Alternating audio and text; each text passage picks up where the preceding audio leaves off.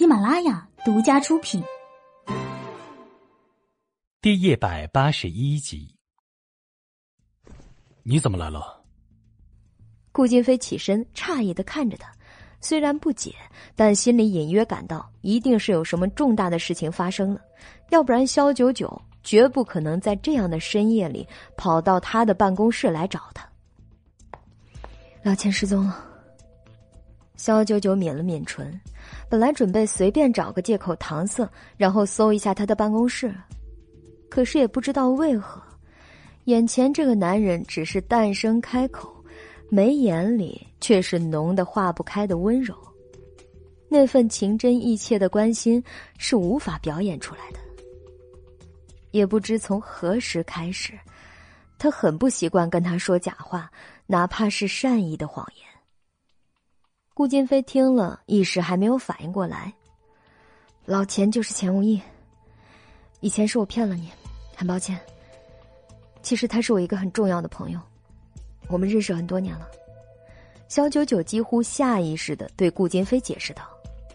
顾金飞一怔，微微张开的薄唇竟不知如何回答。半晌，他眼底闪过一抹欣慰。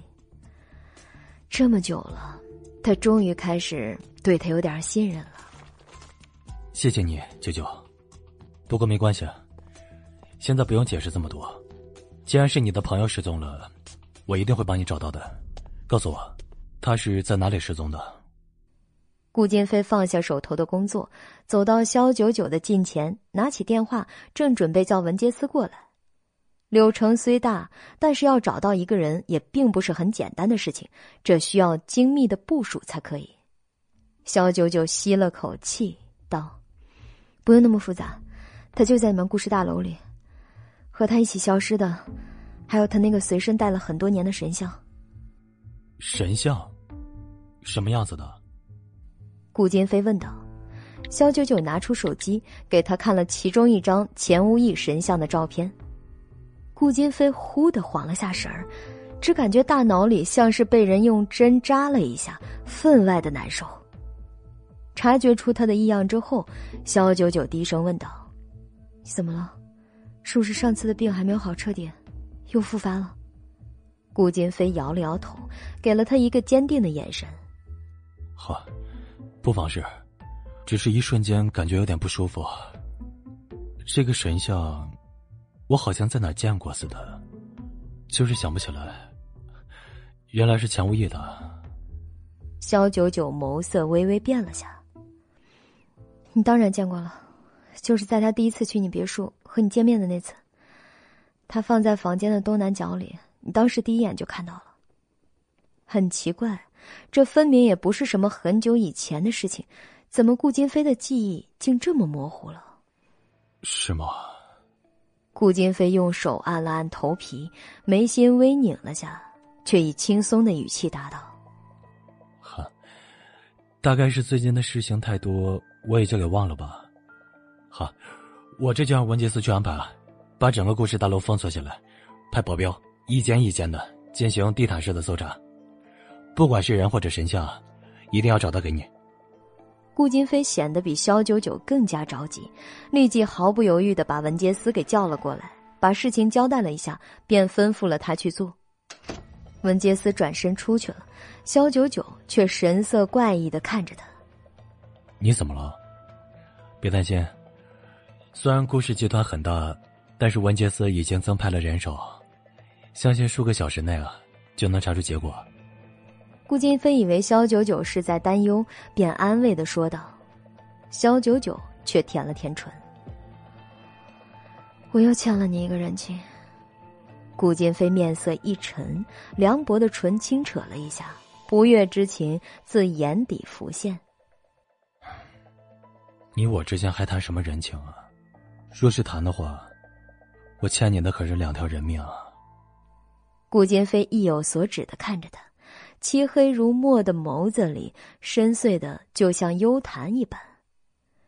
肖九九当然懂他在说的是自己前后两次治好了顾金飞的母亲南子棉和他的事情，虽然是以那个所谓的世外高人的名义。肖九九眯了眯亮晶晶的眼眸。既然如此，那我便不再和你客气了。甚至以后可能会变本加厉的利用你。你会不会因此而震怒啊？不会，我希望你能利用我，一辈子。顾金飞忽的勾唇，对肖九九这番话，他甘之如饴。他从来不怕肖九九麻烦他，就怕他不来找他。肖九九顿了顿，摸了下鼻尖道：“那我有个不情之请。”你说，其实保镖们还有个地方是不可能搜到的。你的意思是？顾金飞这话刚一出口，聪明睿智如他。也已经在同一时间意识到了，小九九笑中带着三分歉意，七分得逞。不好意思了，金飞，你的这间办公室，我希望能亲自的搜查一下。当然，你陪我一起是最好的。不然，若是他的办公室以后丢了什么重要的资料，自己岂不是撇不清关系了？小九九明白，搜查一个总裁办公室意味着什么。特别是这个人还是顾氏集团的继承人，普天之下若不是吃了雄心豹子胆，谁敢想到去搜顾二少的办公室啊？这也是为什么文杰斯和一众保镖们想都不想就直接出去了，把顾金飞的办公室给直接掠过的原因。顾金飞怔了下，确实，他从出生到现在，从来没有人敢对他提出这样的要求。他以为自己会生气，可事实是，他并不介意，甚至生怕因为拖延时间耽误了任何找人的可能。好，无妨，那我就陪你一起找。看着这个穿着高定西装、头发梳理的一丝不苟、身材颀长、容颜犹如希腊神奇般的男子，二话不说的立刻着手亲自在自己的办公室里翻找起来。肖九九一时间有些感慨。人与人之间最高级的信任，也莫过如此了。不问原因，没有任何犹豫的，只要他开口，他便什么都会答应。便是他要天上的星星，他也愿意为他采撷。晃了下神后，他也跟着顾金飞一起找了起来。他的办公室确实很大。是个一百五十多平的套间，在办公的同时，后面还藏着一个隐形的推拉门，一打开就是一个完整的卧室和卫生间、洗浴间。看到顾金飞在前面的办公室里查找，肖九九便在得到他的应允后，进入到他后面的生活区里四处的查找起来。与此同时，文杰斯和保镖们已经迅速的把整个顾氏集团都给封锁了起来。为了以防万一，还特意叮嘱了今晚还在集团上班的每个员工，不许把今晚的消息泄露出去，哪怕一个字。大家好，我是侃侃，在本剧中饰演各种正派女角色。第一百八十二集，小九九在卧室里找了很久。最终来到了卫生间，不得不说，顾二少哪怕是一个卫生间都是硕大，且音乐按摩浴缸、全自动感应淋浴喷头以及高级控温系统，能分分钟的把卫生间变成桑拿室，真是各种奢侈豪华享受应有尽有。小九九虽然得到了顾金飞本人的首肯，可以随意的翻找，但是打开了小立柜之后。看到一面一件件的私人浴袍、内裤等物品之后，手还是不免的僵了一下。虽然她不似凡间少女那样敏感害羞，但男女之防的意识到底还是有的。何况他那琳琅满目又略显花哨的内裤，那个哈码是不小啊，令人遐想空间格外的大，完全能看得出。某大佬明面上是个冷厉不近人情的总裁，实际私底下这内穿的风格还是很大胆奔放的嘛。肖九九一边如老僧入定一般，面无表情的在一堆内穿里翻来翻去，一边觉得自己的行为最起码看起来那是有些猥琐的嫌疑。他顿时叹了口气：“老钱呐，老钱，你若是真的藏在这堆内裤里，也实在是太变态了点吧。”就在肖九九准备关上衣柜的时候。忽的感觉肩头一沉，一只手从后面凉飕飕的伸了过来。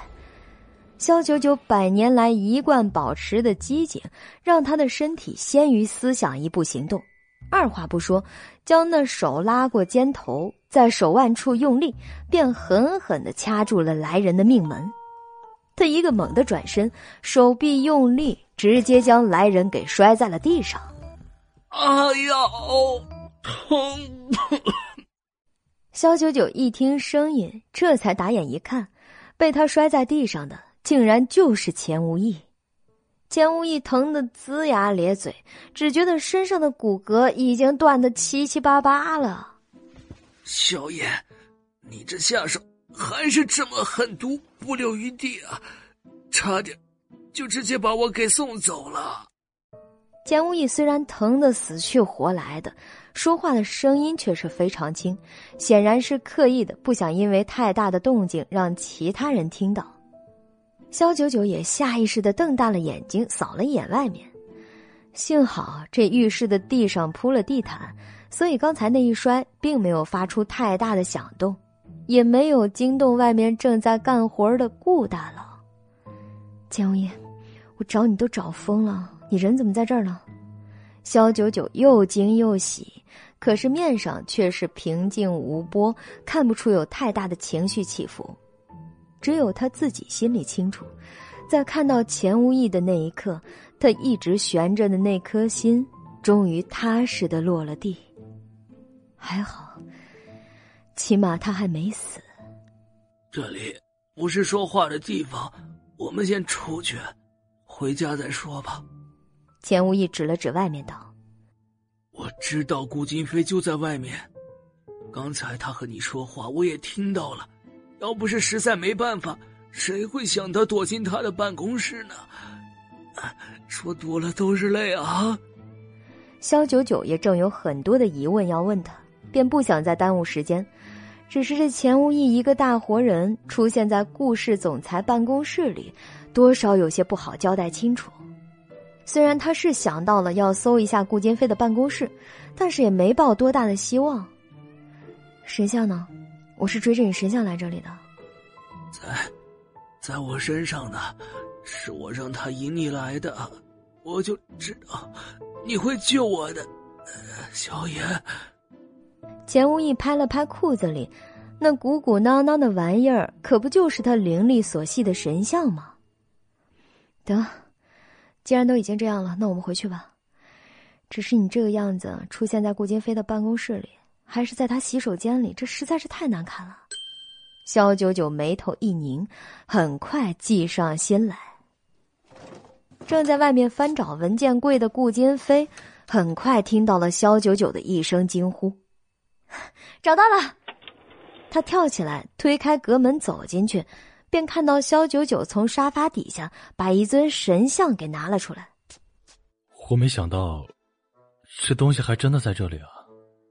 萧九九捧着那尊神像感叹道：“看来你的办公室是个风水宝地啊！”顾金飞的一双眉毛却拧得像个死疙瘩一样，表情也是沉冷如冰，分外难看。我不知道，这东西为什么会在我这儿。我从来就没有碰过他，而且只有一个神像。钱无义他人也没有找到，为何会如此？以他多年来的经验，这件事儿绝不会如此简单。但是在没有调查清楚之前，他却什么都不能说，只怕肖九九会误会了自己什么。这件事儿以后还可以慢慢查，现在最重要的是神像找到了，那么钱无义应该就会回来了。我有感觉，不出三天，他就会自己回来。肖九九捧着神像，两眼熠熠发光，而对顾金飞来说，仿佛刚才听到的是一堆玄学，让自己茫然发懵。他完全搞不清楚，这个钱无义和萧九九到底是何种朋友，这个神像跟他本身又有什么关系啊？我现在就回去，这玩意儿可是老钱的命根子。天已经不早了，你赶紧让保镖们都撤回来吧。你公司的事儿还很多，我不想过多的耽误时间了。肖九九说着便起身要走，但是想了想，自己这么做未免显得太不厚道了。大晚上的把人给利用完了，东西找着了你就拍拍屁股走人，那跟渣女有什么区别啊？于是他走到顾金飞的跟前，踮起脚尖儿，伸手勾着他的脖子。一只手轻轻的抚上了他的脸庞。顾金飞是怎么也想不到啊，这萧九九竟然会主动的勾引自己。他也不想用那样的字眼去想他，可是眼前的这个气氛，他和自己的距离实在是太你妈近了，连他的每一个呼吸都清楚的喷在自己的脖颈之间。他厚实结实的胸膛，差点要掩盖不住那一颗扑通扑通剧烈跳动的心脏。正常男人有几个能经受得住这样的诱惑的？特别是面前的可人儿还是自己朝思暮想的。顾金飞嗓子有些暗哑，喉头耸动了几下，道：“你这样，很容易让一个男人误会。”他在提醒他，自己是个男人。就算肖九九是在表达感谢之情，但这种程度的亲昵已经可以让他浑身燥热了，根本就用不着任何的药物去催。肖九九至于他来说，就像是行走的女性荷尔蒙，无时无刻的不再吸引着他，让他放下一切，有着犯罪的冲动。如果你误会了什么，那不要紧，只要按照你的想法去做就好了。萧九九浅笑倩兮，一双眼睛直对上他的，那澄澈如琉璃样的眸子，几乎能让人沦陷了进去。你真的知道你在做什么？顾金飞的声音有些涩哑。大家好，我是公元之前。啊，为了方便记忆，你们这于暖暖，由加菲不会飞领衔演播，后期制作陶幺幺。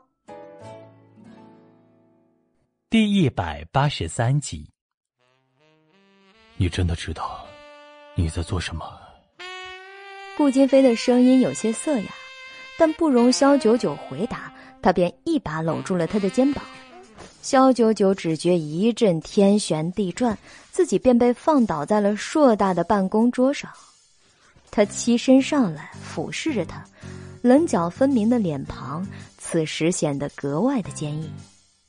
他想要他，不愿再等。萧九九像是被剥夺了所有的抵抗力，双手自愿举过头顶，他宽大的手掌便附上了他的柔仪。只见他那双深邃的眸子凝望着他，慢慢的俯身而下。萧九九虽在和他对视，但余光却瞥见身后的钱无义正一步步悄声走了出来。一个男人在这样极致的诱惑下，很难会有任何的戒备心，顾金飞也不能例外。看到钱无义终于拖着一瘸一拐的身体走了出去。肖九九便放下心来，深吸一口气，慢慢的闭上了眼睛。他在倒数，看看究竟是外面的保镖更快，还是顾金飞的吻更快。男人温热的气息已近在眼前，顾金飞用手抚摸了一下那娇艳欲滴的粉嫩红唇，不知怎的，眼睛却是突突的跳了起来。分明是渴望了那么久的女人，如今就躺在他的办公桌上。室内暧昧的气氛已经酝酿到了极致了。现在只要是个男人，都不可能就此撤退的。顾金飞下定了决心，此刻就算山崩地裂也好，地球爆炸也罢，他一定要了肖九九。于是他闭了眼睛，薄唇眼看就要附上肖九九的。总裁办公室外却轰然响起了警报，无数保镖蜂拥而至，顷刻就把总裁办的大门给撞开了。为首的正是文杰斯。他们拥有一级警报响应免责权，只要顾氏大厦里有这种等级的警报声响起，那他们就可以不用请示顾金飞，先斩后奏。身体的判断已经超过了意识，所以他们才会一致认为是总裁办公室里出了什么意外。但是当他们撞开门看到的，竟然是他们那个高高在上、不近女色、冷血无情的顾二少，把肖九九压在了办公桌上。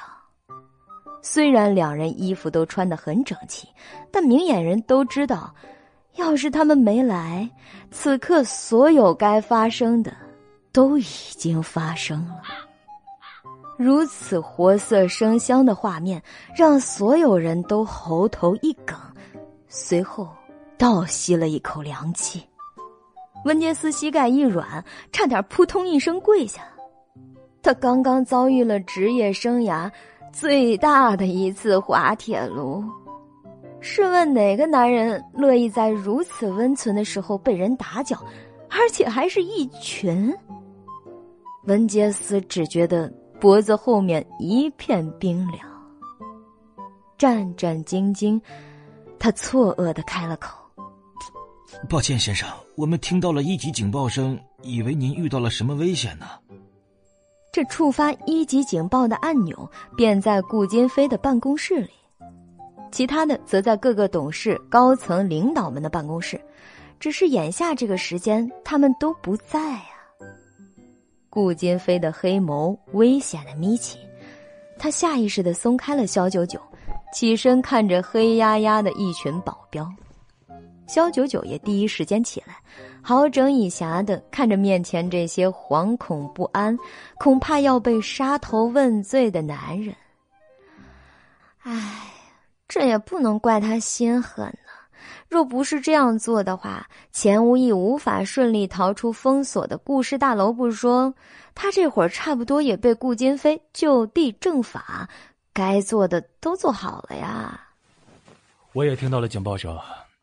立刻就查清楚，警报是什么人按响的？大楼里到底是不是有什么危险存在？顾金飞整理了一下衣领，面色虽然是隐忍的不悦，但到底还是把火气给压了下去。毕竟文杰斯带领的这群保镖也只是按照规则尽忠职守罢了。文杰斯诚惶诚恐的抬起头来，看着顾金飞，好像没有要兴师问罪的样子。不可思议的擦了擦眼，他家先生竟然没有生气，不，准确的说，是生气，硬是忍了下去。他无比感激的朝着肖九九看了一眼，不愧是他家少奶奶呀，专治顾二少臭毛病的利器。是先生，我们马上去查，相信可以给您一个满意的答案。温杰斯领命，保镖们也跟着面色严肃起来。如果这警报是真的，那大概率是在大厦里发生了什么致命危险；如果不是真的，那么这个按下假警报按钮的人也着实是不想活了。看着所有人撤出到了门外，肖九九才长出了口气。这顾氏集团的安保措施虽然是可以媲美白宫等级的戒备森严，但是只要是人做的系统，难免就会有疏漏，而他的专长就是破解这些漏洞。顾金飞一脸抱歉的看着他，觉得非常扫兴，可终究没办法，男人若是停了，再想继续，那可就得另寻时间了。对不起。让你看了场笑话，他道歉，而肖九九却面色镇定的点了点头。这不是笑话，谁让大楼里发生了要紧的事情呢？我现在要亲自去查一下，到底是不是有什么危险。你不要离开这里啊，就待在办公室里，乖乖等我回来。顾金飞的办公室里设置了特别的安保系统，可以说是整个大楼里的重中之重。若是肖九九此刻回去，他实在是不放心。最起码，在危险排除以前，答应留在我这里，好吗？面对这样一个金贵无双，却愿意对自己倾尽所有温柔的男人，肖九九呢几乎要脱口而出的拒绝，也好像被生生的堵住了。他默认的点了点头，看着顾金飞出去，并慎重的把总裁办的门带上，肖九九认命的躺在了黑色的真皮沙发上。这好不容易救了老钱出去，自己却被困在了这大楼里。不，天下之大，却没人能困得住他。要是他想走，此时此刻谁也拦不住他。肖九九摸了摸自己胸口的位置，感受到了那里有些失常的心率，脑海里蓦然跳出了一个可怕的念头。他是完全自愿被困在这里的呀，所以他这是怎么了？难道喜欢上了顾金飞吗？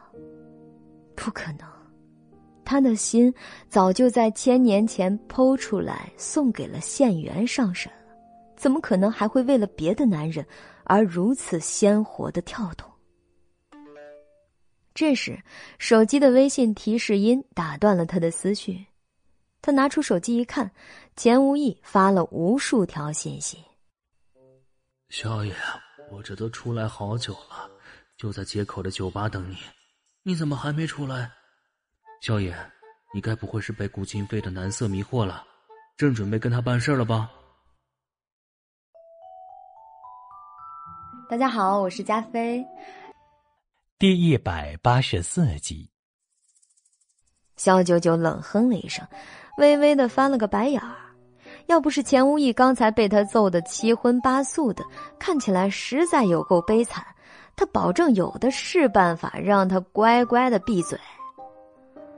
故事这边出了点事儿，我暂时回不去，你在家里好生养伤吧，我已经派人去照顾你了。肖九九对钱无义叮嘱道，一边纤纤玉指在手机屏幕上翻飞。很快编辑了一条信息给唐宛如发送了过去。有唐宛如在，这次钱无义应该能被看管的死死。钱无义捧着手机纳闷了半天，肖九九该不会是真的被顾金飞那个啥了吧？我的天，这可真是个送命题啊！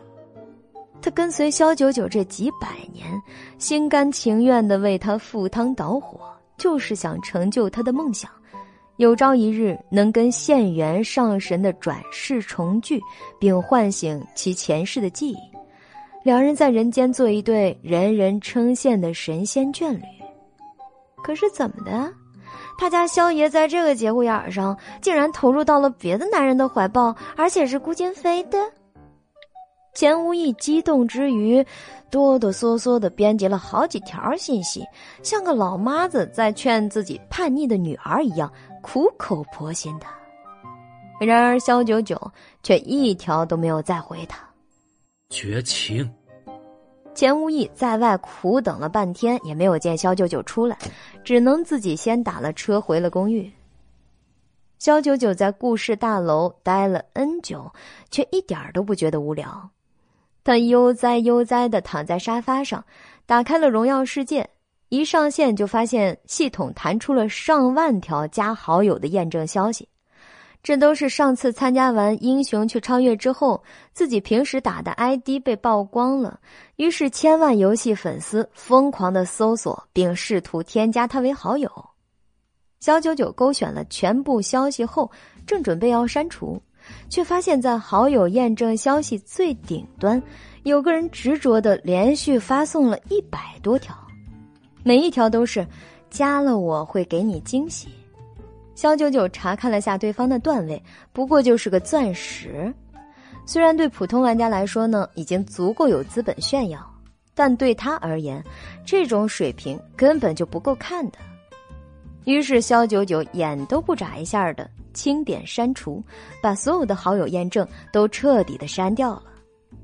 刚好这时欧若野发来了组队邀请，于是他几乎是下意识的点了接受，两人一起忘情的投入到了游戏世界里。等顾金飞来了以后，看到的便是肖九九怀里抱着神像，手里拿着手机，一脸平静的在打着游戏。顾金飞的眼底忍不住抽了抽，就连他进入办公室，肖九九也只是简单的抬了下眼，就算是打过招呼了。一想到自己的老婆是个网眼少女，某大佬也不由得脑壳疼了。于是他默默的挨着他坐了下来，看着他打的那么投入。在游戏世界里挥斥方遒、统帅千军万马、直捣敌军黄龙的样子，他亦不忍打扰。顾金飞忽的想到了什么，默默的拿出了自己的手机，调了静音之后，有意避开肖九九的视线，打开了荣耀世界的游戏界面。一上线就看到他的系统提示栏里，自己对肖九九发出的一百多次好友申请。都被他给无情的拒绝了。于是他打开了微信，压抑着隐忍的怒气，给他的狗头军师唐诺发了几条送命题过去。那边唐诺倒是也回得很快。自从上次耍了小聪明，差点把顾大佬给坑惨后，他就变得更加小心谨慎，手机几乎是二十四小时待机状态，即便是对待。环绕在侧的莺莺燕燕们，他都从没有这么好过。顾金飞，小九九把我的游戏好友申请全部都拒绝了。唐诺，你直接告诉他你是谁不就好了，省去了多少麻烦。顾金飞，我不想让他知道是我。唐诺黑人问号脸，某大佬似乎有着某种不为人知的偷窥癖，于是他回道。那你申请的时候验证消息是怎么写的？顾金飞，嗯，加我，有惊喜。唐诺再次无语凝噎。如果说他是爱情的导师，收了这么唯一的一个弟子，那这个弟子实在是愚钝的，让他捶胸顿足，恨不得当场去世才好。顾二少，恕我直言啊，您这样的申请。让人一看就不像什么好人，要么是推销保险卖茶叶，要么就是交友骗色，总之就是一副骗子痴汉相。嫂子她又不傻，这样都能通过的话，那给他发申请的百分之九十九都能通过了。顾金飞看了眼旁边还在投入的打着游戏的肖九九，神色若有所思啊，原来是这样，他写的申请内容有问题是吧？那你说，我该怎么写才能让他一下就通过？唐诺在那头思考良久，于是发来了几个文案模板，让他自己选择。不管你选哪种，乔九九几乎都能在万千粉丝啊呸，万千好友申请中一眼就能看到你。对此，唐诺自己是信心爆棚的。赵虎画猫，顾金飞总该会了吧？顾金飞一一看过那些模板，眉头轻蹙了一下。这些东西写的怎么都那么恶心啊！你管他恶心不恶心的，有用就行了。再说，总比你之前的要好。唐诺毫不客气的回敬道：“在这方面，他可是从来都没有输过。”某大佬沉思良久，就像是面对一堆沉积的无头公案。虽然不满意，但也只能挑拣了几个试着下手。恰好肖九九一盘游戏打完，看到顾金飞在身边，便盈盈一笑，正准备把手机收起来，今天就玩到这儿了。结果游戏里又弹出了几条好友申请。你是支撑我活下去的唯一动力，我只想最后和你打几场游戏。肖九九平静无波的眼眸里，也难免闪过了一抹嫌弃。这是什么玩意儿啊？而现在的粉丝为了能加好友，什么鬼话都能扯出来啊！看着肖九九当着自己的面不屑的把这几条申请给删除了，顾金飞的心顿时沉到了谷底。唐诺这个货果然是个没用的狗头金师，回头一定要好好的问候一下他了。接着，肖九九微微一笑，对顾金飞道：“怎么样，大楼里到底是不是有危险啊？现在有没有解除？我能回酒店了吗？”顾金飞顿了一下，思绪从方才的游戏中拉了回来。好，抱歉啊，让你一直待到这么晚。刚才我和文杰斯他们查过了，整个大楼里所有的警报器都没有人触碰的痕迹，也没有任何危险存在。经过技术部分析，应该是有黑客侵入了我们的安防系统，通过网络操纵了警前演播。第一百八十五集，竟有此事！肖九九讶异的瞪着眼睛，心里面却自是清明。那黑客什么的，不过是他在和钱无义商议的短短数分钟之内，通过手机连接到了他的计算机，进行了一番攻击而已。上次在攻击过顾氏的安防系统过后，肖九九便留了个心眼儿，虽然把全部的数据和机密文件都还给了他们，但自己还是悄悄的备了一份虽然当时并没觉得一定会有什么用处，备份也不过是顺手而为之。但现在看来，因为这个备份，自己省去了很多的精力，事半功倍啊！顾金飞的眸色也染上了一层寒霜。顾氏的安防一再出问题，虽然两次的对手看着都没有什么太大的恶意，甚至感觉像是个恶作剧，但是只要对方愿意，那便可以将整个故事的机密玩弄于股掌之间。到了那个时候，他们就会处于非常被动的位置。说来实在是令人汗颜。故事已经很多年没有出现过安防问题了，可是今天晚上，对方实在是让我感到压力很大。这是他第一次在一个女人面前承认自己的软肋所在。平时那个高高在上、似乎凌驾众生的顾家二少爷。其实也有着莫大的压力。肖九九一双黑白分明的眼睛微微转了转，他很是同情面前的这个男人，可是他所做的一切也都是不得已而为之的。哎呀，顾大佬实在是对不住了，他在心里暗暗的说道：“嗯，好在对方似乎没有什么恶意哈。”你们也可以趁此机会修复和升级一下安防系统。他正说着，顾金飞忽的脑海中灵光一现，微皱眉头打量了他许久。若是一般人，早就被他那能看穿一切的眼神看得心虚不已，背心出汗了。可是肖九九就是镇定自若，仿佛一个局外人一样，无辜的跟他对视良久。你有问题，舅舅。我倒是想到了一个人，应该能帮助我们故事。只是，他隐藏在浩瀚的网络背后，我无法找到他。肖九九心中一怔，顾金飞想到的那个人，该不会是？对，就是上次帮你出手，攻击我们故事网盾，害我们的系统一度陷入瘫痪的那个人。或者说，那群人。顾金飞说着，神色开始激动起来。既然上次他们能够为萧九九出手，又在金钱收买下停了手，那么若是由萧九九来联系，对方是不是就愿意出山了？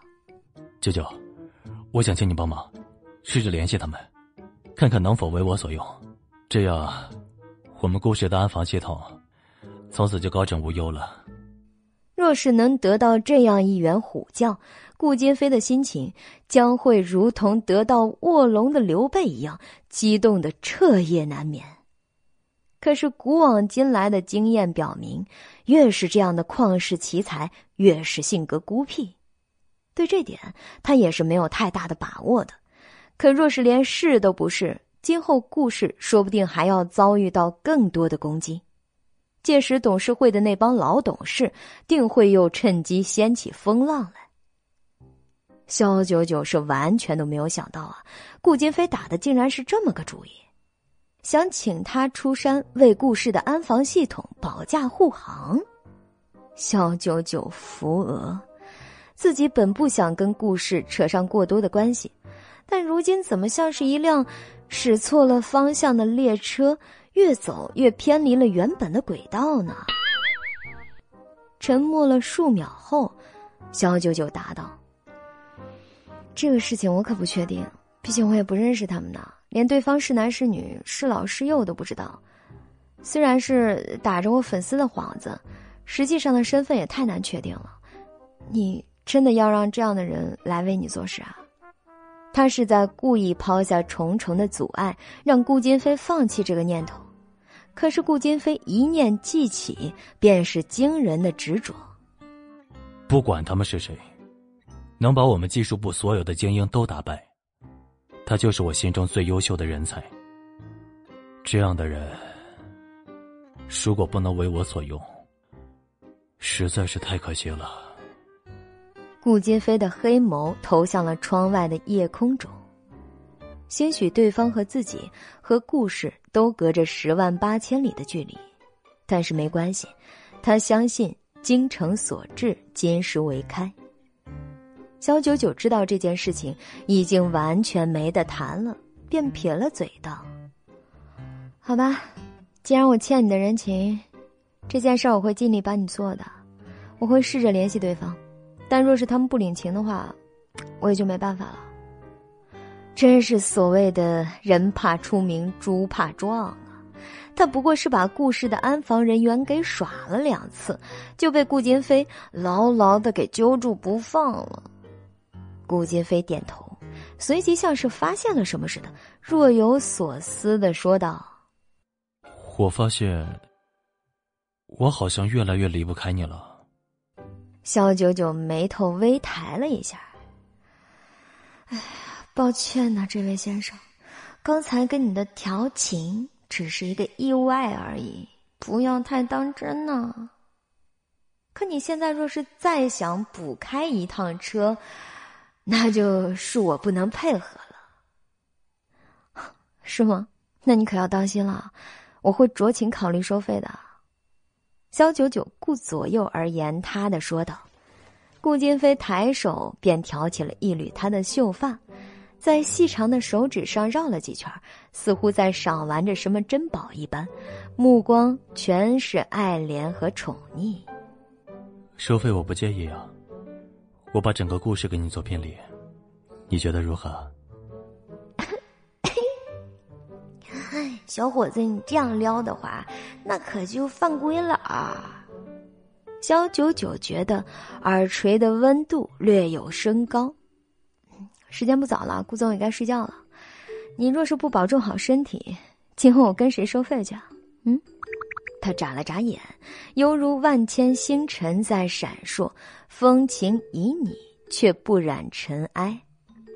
顾金飞一时看得晃了眼，竟张着嘴，忘了一开始想要说的话了。好吧，那我送你回去。不等肖九九回答，他便用食指堵住了他的嘴巴。你答应过的，不会轻易拒绝我。送你回去这种。可不是什么大事儿。肖九九实在是找不到借口。再说，为了钱无意，奔忙了一整天的他，现在着实是乏了，凡人的脑力也跟不上节奏了。于是，两人一起从顾氏大厦乘着电梯到了停车场。顾金飞亲自驾着林肯，一路驱驰往金氏酒店的方向开去。开着开着，肖九九就发现。这货的速度着实是有点慢了，一般的豪车车主哪里甘心用这种龟爬的速度开车呀？可是他却也懒得戳破了，凡人的那点小心思，他还能不懂吗？喜马拉雅独家出品，第一百八十六集。一般只用半小时的车程。顾金飞足足开了一个小时才到。当车行驶到金氏酒店门口的时候，肖九九那卓越的听力似乎听到了某大佬的一声叹息。嗯，他怎么忽然就想到了学生公寓楼下送别女朋友的男生呢？明明是那么不可一世的大佬，感情世界却荒芜，或者说纯情的一塌糊涂。肖九九正要推门下车，忽然发现车门却是被锁死的状态。他眯眼看着顾金飞，夜色迷离，路灯三三两两，映照的他那原本就俊美无愁的脸庞，更加令人心驰神往。若是普通女人，早就已经把持不住自己要投怀送抱了。毕竟这大好的男色当前呐。顾总，您这车该修了呀，这车门怎么打不开啊？肖九九故意调侃，轻松的说道。却见顾金飞猛地一只手伸了过来，一下子把他压在了副驾驶的座椅上。我的副驾驶从来都没有坐过别的女人，既然你自己坐了，便是承认了，因为这是我留给妻子的位置。肖九九丝毫不怵的对上他俊美的脸，勾着唇，邪肆一笑。你应该听你外甥李佳燕说过，我是个业余赛车手，在我们这儿，坐在副驾驶的一般都是领航员。随后，在顾金飞的错愕中，他起身，轻轻的按下了车门解锁，在光影交错中。身着浅蓝色一字肩连衣裙的少女，笑得一脸狡黠，得意的朝他挥手。那个画面，多年以后仍牢牢的刻在顾金飞的心上，任凭时间如何冲刷，都永不褪色。第二天，肖九九的微博上立刻更新了一条消息。表示很感激当初在网络上为他挺身而出的网络侠客。如果有机会，还想亲自谢谢你。片刻，正在等待拍摄的王可元正拿着手机刷到了这条微博。是的，他用小号暗戳戳的关注了肖九九，目的就是能第一时间收到他的更新提醒。一看到这条，他便立刻拿给了一旁的肖晴晴。你看，你姐姐这是个什么意思啊？她很感谢那名网络黑客，要不是他出手的话，事实真相说不定现在还被蒙在鼓里呢。王可元在这里努力的琢磨着肖九九的每个用词，肖晴晴的脸色却是一片的冷然。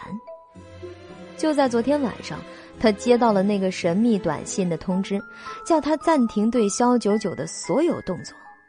鉴于对方定期药丸的威慑力，萧晴晴即便是不情愿，也不得不屈服，不敢再轻举妄动。要不然的话，这几天他本已经想好了计划，即便萧九九不能马上身败名裂，也足够叫他喝一壶的了。萧九九的不甘，在王可元的眼里看来就是记恨和愤怒，于是他拼命的鼓动道。既然肖九九这么想找到这名黑客，那我们就更快一步找到他，然后不管他是谁，都让他这辈子把牢底坐穿。这样不仅挫了肖九九的锐气，也给你报了仇了。肖晴晴很快敛住神色，轻声道：“他的心思可深着呢，不是那么容易对付的。我已经被他给整怕了，现在不敢了。哪怕现在他要打我的左脸。”我也不得不马上就把右脸伸过去，再让他打了出气。他如此的自轻自贱和消极的自我评判，倒是大大的出乎了王可媛的意料。本来他们以姐妹相称，就是要共同对付萧九九这个眼中钉，但是现在最该愤怒的萧晴晴，竟然先打了退堂鼓。晴晴，你别气馁啊！我知道你这么长时间以来被他欺负的太惨了，有些怕了。也罢，这次就让我为你报仇吧。你只要静静等着看就好了。这次保证让萧九九惨败。蒙可元就像真正的大姐大一样，关切的拉着他的手说道。而在他认为，这些神秘的网络黑客不过都是躲在网上不敢见人的宅男屌丝，现实生活中的 loser。只要找人抓到对方，再砸点钱找点由头，就不信他还能从监狱里出得来。到了那个时候，他再派人在网上大张旗鼓的宣传一番，所谓给肖九九摇旗呐喊的黑客粉丝，现实中是多么的不堪。甚至还有各种各种的犯罪记录，那样就不信他的名声不跟着臭掉。看着王可元颇有自信的规划着一切，萧晴晴不由得暗中冷笑。虽然那个神秘人控制了自己，近期不能对萧九九出手，可是幸亏他还有个工具人姐妹，一个愚蠢、盲目且自大又不缺金钱、极好控制的队友。这天下午，肖九九在剧组拍摄一结束，就立刻收拾东西，赶往了钱无义的公寓。这些天，他对钱无义可谓是关怀备至，早中晚都要发微信、抬视频，监视他到底人在不在公寓里。好在唐宛如那边已经给出了确切的消息，说已经陪着照顾了他好几天了，肖九九也就安心下来。等他赶到钱无义公寓的时候，就闻到了一阵扑鼻的香味儿。只见钱无义跟着唐宛如两人正坐在桌子边吃着火锅，桌上堆放的各种牛羊肉、蔬菜几乎都要放不下了。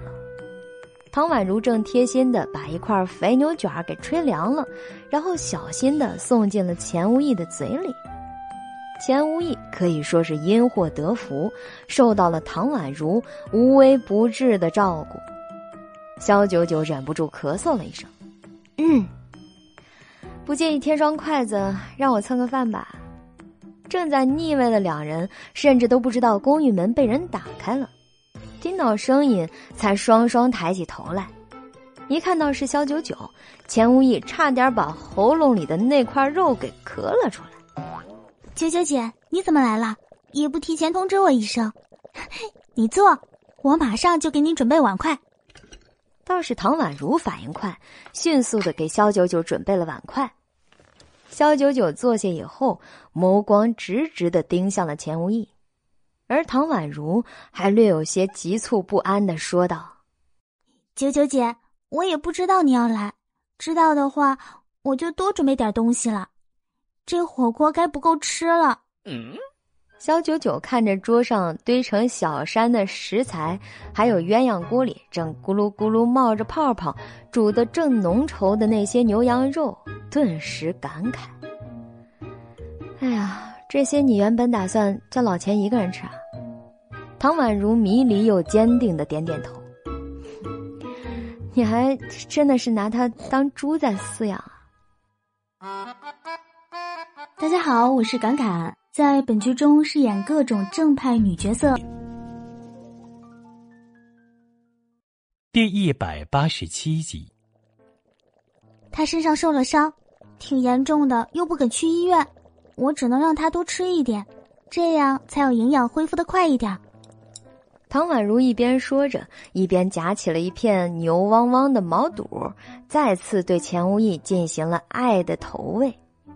虽然是个年纪轻轻、眼中略带稚气的姑娘，可是这思想却是父母甚至奶奶辈儿的精髓无疑啦。小九九看了一眼钱无义，他这次来，一方面是想把他这些天的事情问清楚，另一方面正是想看看他的伤势如何了。于是肖九九也没多说，毕竟有唐宛如在，有些事情还是不方便直接谈的。钱无义也配合默契的，在用餐期间对他们的事儿只字不提。倒是肖九九吃完了饭，搁下筷子，对唐宛如的厨艺表示赞赏之时，他却忽然的红了眼眶。九九姐，老钱是不是因为身份特殊，所以才不能去医院的？那你有没有办法帮他找个人，或者他同类的医生治疗一下？正在胡吃海塞的钱无义，听到“同类的医生”二字，差点把嘴里的肉片都喷进了火锅汤底里。唐宛如的脑子里在幻想的肯定是什么不太正常的东西。那个，宛如，我不知道宵夜跟你讲了什么，但是关于我的身份，你不用做过多的猜测，反正把我当个普通人就行了，千万别瞎想。钱无义哭笑不得的说道：“还有啊，我这次虽然看着受伤挺严重的，但其实并没有多大事儿，在家里躺几天就能好了，何必要去医院呢？现在看个病还要排那么久的队，挺麻烦的。”他还在绞尽脑汁的想如何安慰和劝说唐宛如，可是话刚说到一半却赫然的怔住了。只见唐宛如那张清丽可人的小脸上，已经无声的落下了两行泪珠来。下一秒，他抹去了眼泪，表情变得幽怨起来。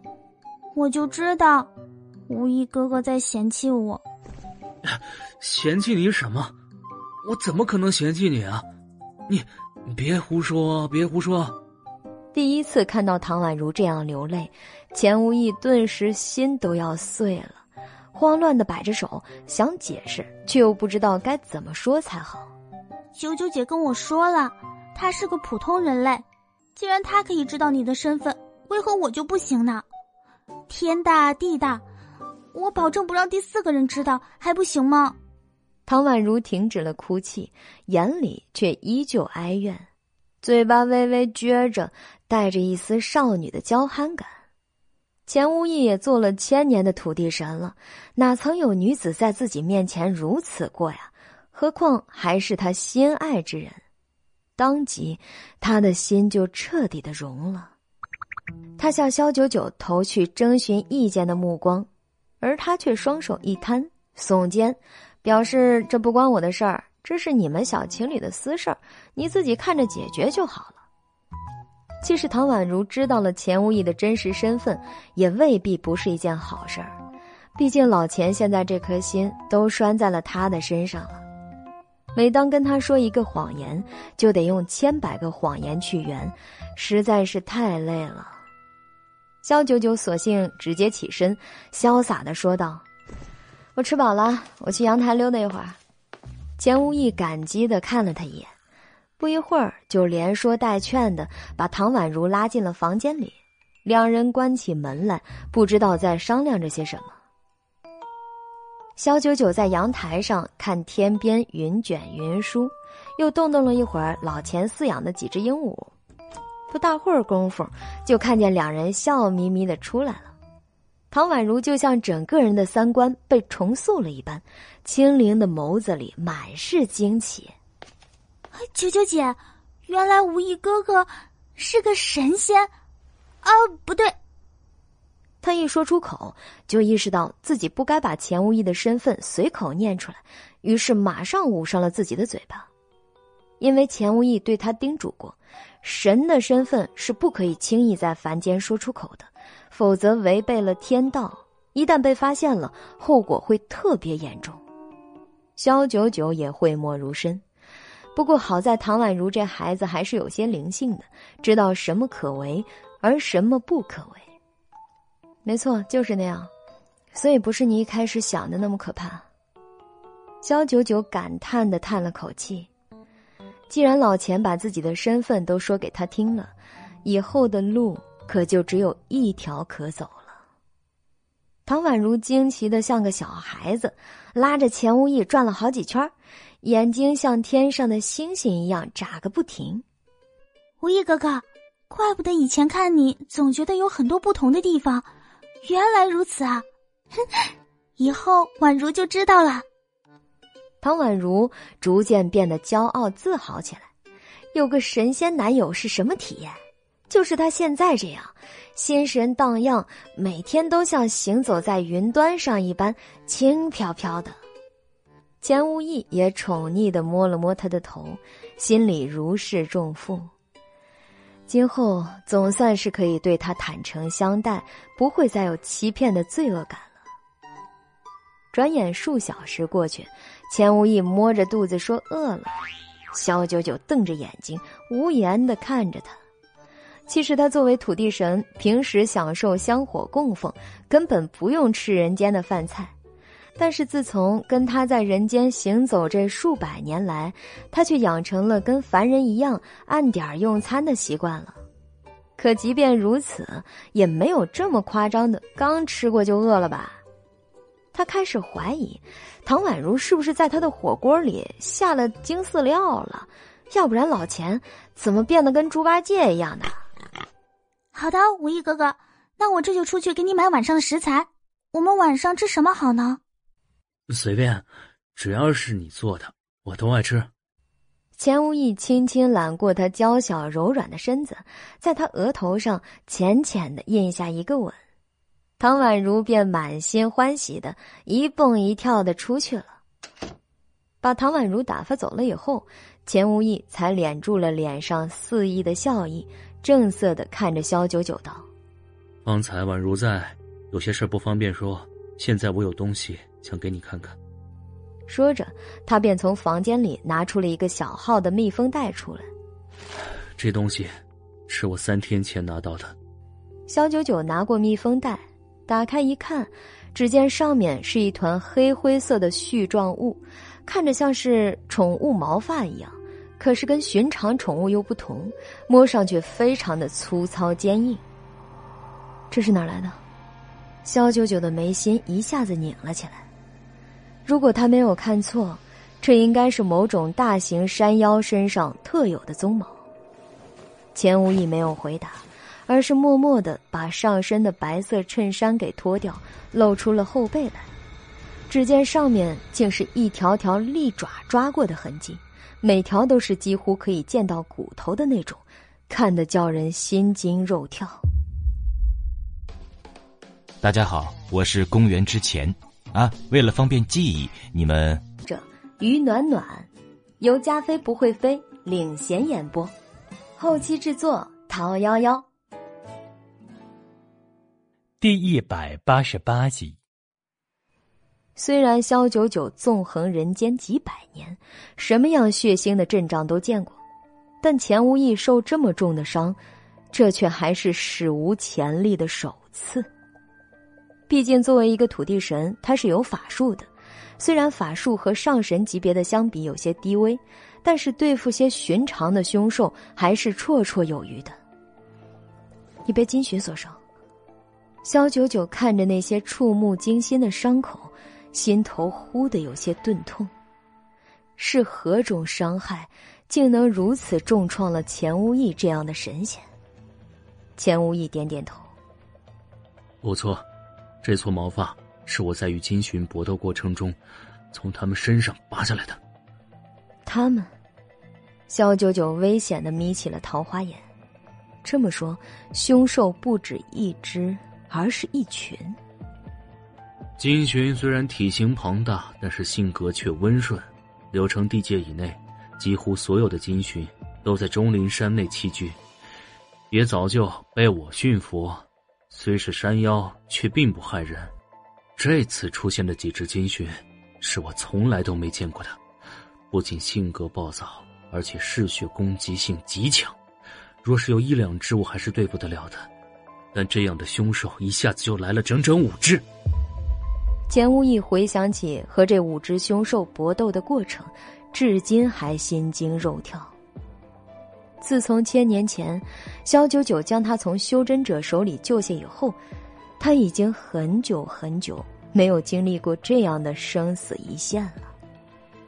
不过话说回来，幸亏他们遇到的是我，如果是萧爷您的话，以您现在的凡人之躯，估计凶吉难料啊。钱无义越想越觉得头皮发紧。千年前的萧九九还是个上仙，现在的萧九九虽然能在凡人的世界里肆意纵横，可是遇到这等带有灵力的凶兽，能抵挡的胜算几乎为零。要是萧九九现在因为凶兽之类的遭遇到了不测，此次历劫便算是完成了。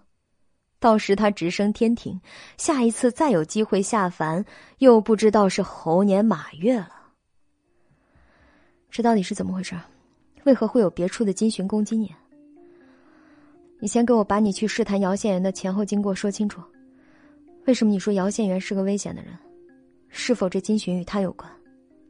肖九九并不担心自己如果遭遇类似的攻击是否能保全，他现在最关心的是关于凶兽的事情。毕竟作为一个普通人的视角来说，对山精野怪之类的只是在玄幻电视里看过而已。自古天界、人间以及妖界都早有规矩，令各自不得擅自逾越，所以人类对凶兽的认知也几乎为零。如今凶兽堂而皇之的在大白天攻击了钱无义，这是否意味着上古时代约定的规矩已经受到了破坏？钱无义也是忧心忡忡的，略整理了一下思路，便舔了下嘴唇，说道。那天我和你商量好了，由我去出面试探姚县元。我提前用法术易容为一张根本不存在的男人面孔。根据手下送来的线报，我一路跟踪姚县元，发现他每个星期一都会乘飞机前往法国巴黎，周末又会回来。他过着柳城、巴黎的双重生活。啊，因为我的身份不能离开柳城，我就在他登机以前假装成小偷。偷了他的登机牌，故意漏了一个破绽给他，让他一路跟到了机场洗手间。结果他不知道为什么，对我没有生气，反而笑。我正奇怪的时候，就感觉一阵剧烈的摇晃，只看到他从袖子里拿出了什么东西，对着我的脸喷了一下，我就晕过去了。等我醒来的时候，已经在无人的荒郊野岭，跟着就有五只金寻朝我扑过来。我奋力反抗，还是受了重伤，好不容易逃了回来，一路鲜血滴滴答答的，我怕引起警察注意，所以我就赶紧藏了起来。肖九九听到这儿，眸色越发的沉了几分。所以你就逃到了顾金飞的办公室里，这又是为何？萧爷，您忘了，我最近灵力下降的厉害，金寻是山间邪祟，阴气很重。我只有逃到一个阳气十足的地方，才有可能躲过一劫。当时我用仅剩的一些灵力打开天眼，就看到整个柳城地界上，顾氏大厦的阳气几乎喷薄而出，直冲九霄。钱无义说到这里，自己也觉得不可思议，喃喃的说道：“我也不知道为什么会如此，但事实就是这样。而等我设法进入了顾氏大厦以后。”看到灵力最为集中的，便是顾金飞的办公室。怎么会这样？萧九九也随之沉思起来。最近他越发觉得姚县元身上跟县元上神那时候截然不同，他带有很重的邪气，即便笑起来也总是阴寒十足，让人望而生畏。可顾金飞虽然表面上冷血无情，接触下来却是个自带正气的男人，这跟钱无义用天眼所看到的阳气爆棚不谋而合。他们一个是自己原本想嫁，更想着令他恢复前世记忆后双宿双飞的存在，而另一个则是现实中他一心想要摆脱的束缚。小野。恕我说句不当讲的话，这姚县元哪有问题？虽然我还不敢说他是不是县元的转世，但起码他身上跟县元上神是处处矛盾的，而且那凶神金寻几乎可以肯定是他放出的，他根本就不是个普通人，他能掌控山妖为自己所用，在人类中，只有修真者才可以办得到。提到修真者，钱无义心里还有千年前的阴影存在。那是一群生活在阴翳底下、终日不见阳光的存在。虽然他们声称自己是为了修炼飞升，其实却利用所学为祸人间，甚至妄想掌控整个世界。虽然修真者中也不乏有好人。但是这个世界里的大部分修真者都是一群野心勃勃、无视生命、为达目的双手可以沾满鲜血的恶魔。若现元上神的转世误入了修真的歧途，还一心想要统治霸占这个世界，那萧九九更有义务去确认并唤醒他的记忆。他的确有问题。现在既能放出凶兽伤你，下一次就能以道法杀人。萧九九沉思良久，终于做出了一个决定。如今已没有其他的方法能确认姚县元的身份了。姑且当他就是误入歧途的县元转世本尊，我只能试着去唤醒他的记忆。倘若成功了，县元是绝不可能纵容这种事情发生的；若失败了，也就可以趁此机会排除他的身份，另外寻找真的转世。大家好，我是加菲，依然还是第一百八十九集。钱无意怔愣了几秒，随后叫道：“你，你该不会是想……”县元已经重入轮回，转了数十世了，前面我们都一直没有找到他。如今既然好不容易找到了，就不能错过任何机会。不管他是不是，我都要试一试。我已经没有时间再等下去了。这个决定对萧九九来说，就意味着。要跟姚县元发生最密切的关系，再趁机唤醒他的记忆。而目前的姚县元身份成谜，阴气太盛，是个危险而未知的存在。不行，我坚决不同意。钱无意挣扎了几下，把衬衫穿上，背后那血腥恐怖的伤口才被遮住了。这个伤口是连唐宛如也不曾看到过的。钱无意担心。若是被他看到了，他一定会惊吓过度而晕倒。我是仙身都尚且如此，何况你只是个凡人身躯？你用什么来抵挡一个能驱使金寻的修真者？钱无意顿了一下，又道：“即便他本人不是，可能也跟修真者有千丝万缕的联系。我们现在万不可再去冒险了。”萧九九捋了一把头发，眉眼间都是淡然。不管为仙还是为人，他从来不惧生死二字。他唯一会害怕的，就是失去仙缘。我已经错过了几百年了，这次无论如何也不能再错过了。我等了太久，不管他的真正转世是什么，我也要将他唤醒。小九九摇头道：“老钱。”你不用再劝我，我已经决定了。看到萧九九这样说，钱无义的身子忽然从坚硬变得瘫软。萧爷的脾气他再清楚不过了，一旦执着起来，那便是十头牛也拉不回来的。那我陪你一起去。你这微末的法术，在高阶修真者面前也是无济于事的。何况你上次所用的仙法仪容已经被他识破了。这次去了不是白白送死吗？萧九九下定决定以后，便一把将钱无义按住。老钱，这几百年来，都只有你在陪我。对我来说，你是除了县元之外最重要的，所以你不能再出事情了，不然，不然唐宛如以后谁来照顾？听到他这么说，钱无义的眼眶忽的一热。为了萧九九，他也不怕死。如果萧九九一直冷漠的叫他卖命，倒也罢了。可是他最无法面对的，就是萧爷有情有义的时候。萧九九给了自己一个星期的时间做准备，他知道，等待自己的是一场前所未有的巨大危险。如果一个不慎，甚至可能这辈子。就这样交代了。而他以萧九九的身份在这人间行走，还不过短短半年时间。既然用了他的身子，那就帮他把所有生前未了事都完成吧。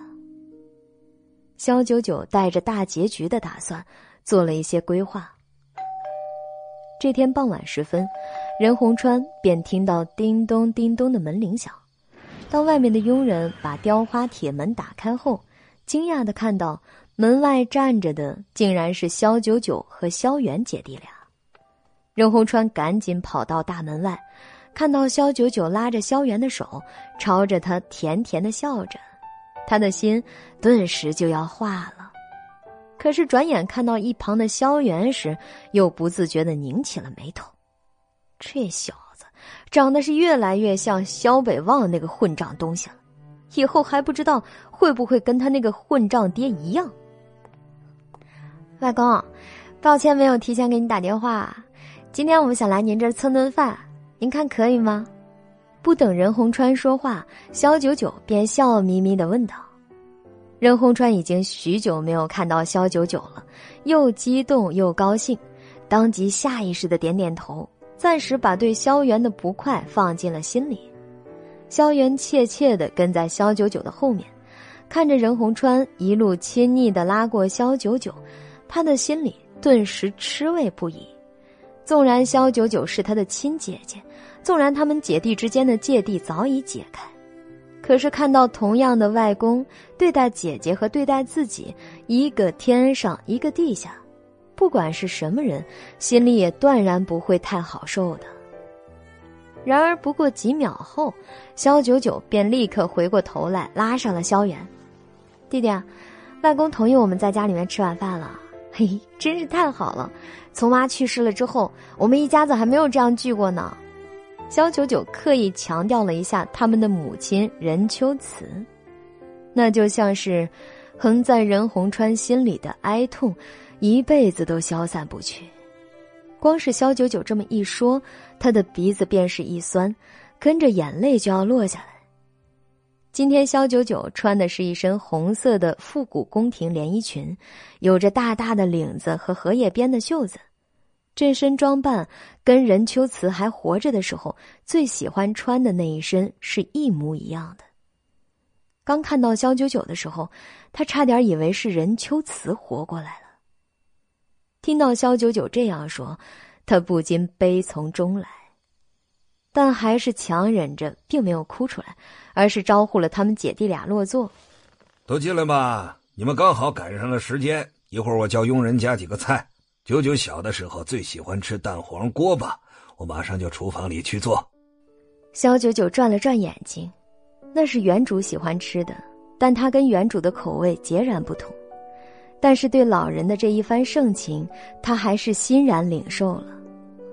谢谢外公，那弟弟喜欢吃的蒜香排骨，外公也会帮他安排上的，对吧？萧元一愣。萧九九还记得很清楚自己的口味，但是他已经好多年没有来过任洪川家里吃饭了。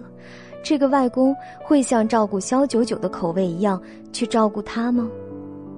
就在萧元低着头，微微有些窘迫时，任洪川却忽然爽朗的大笑了起来。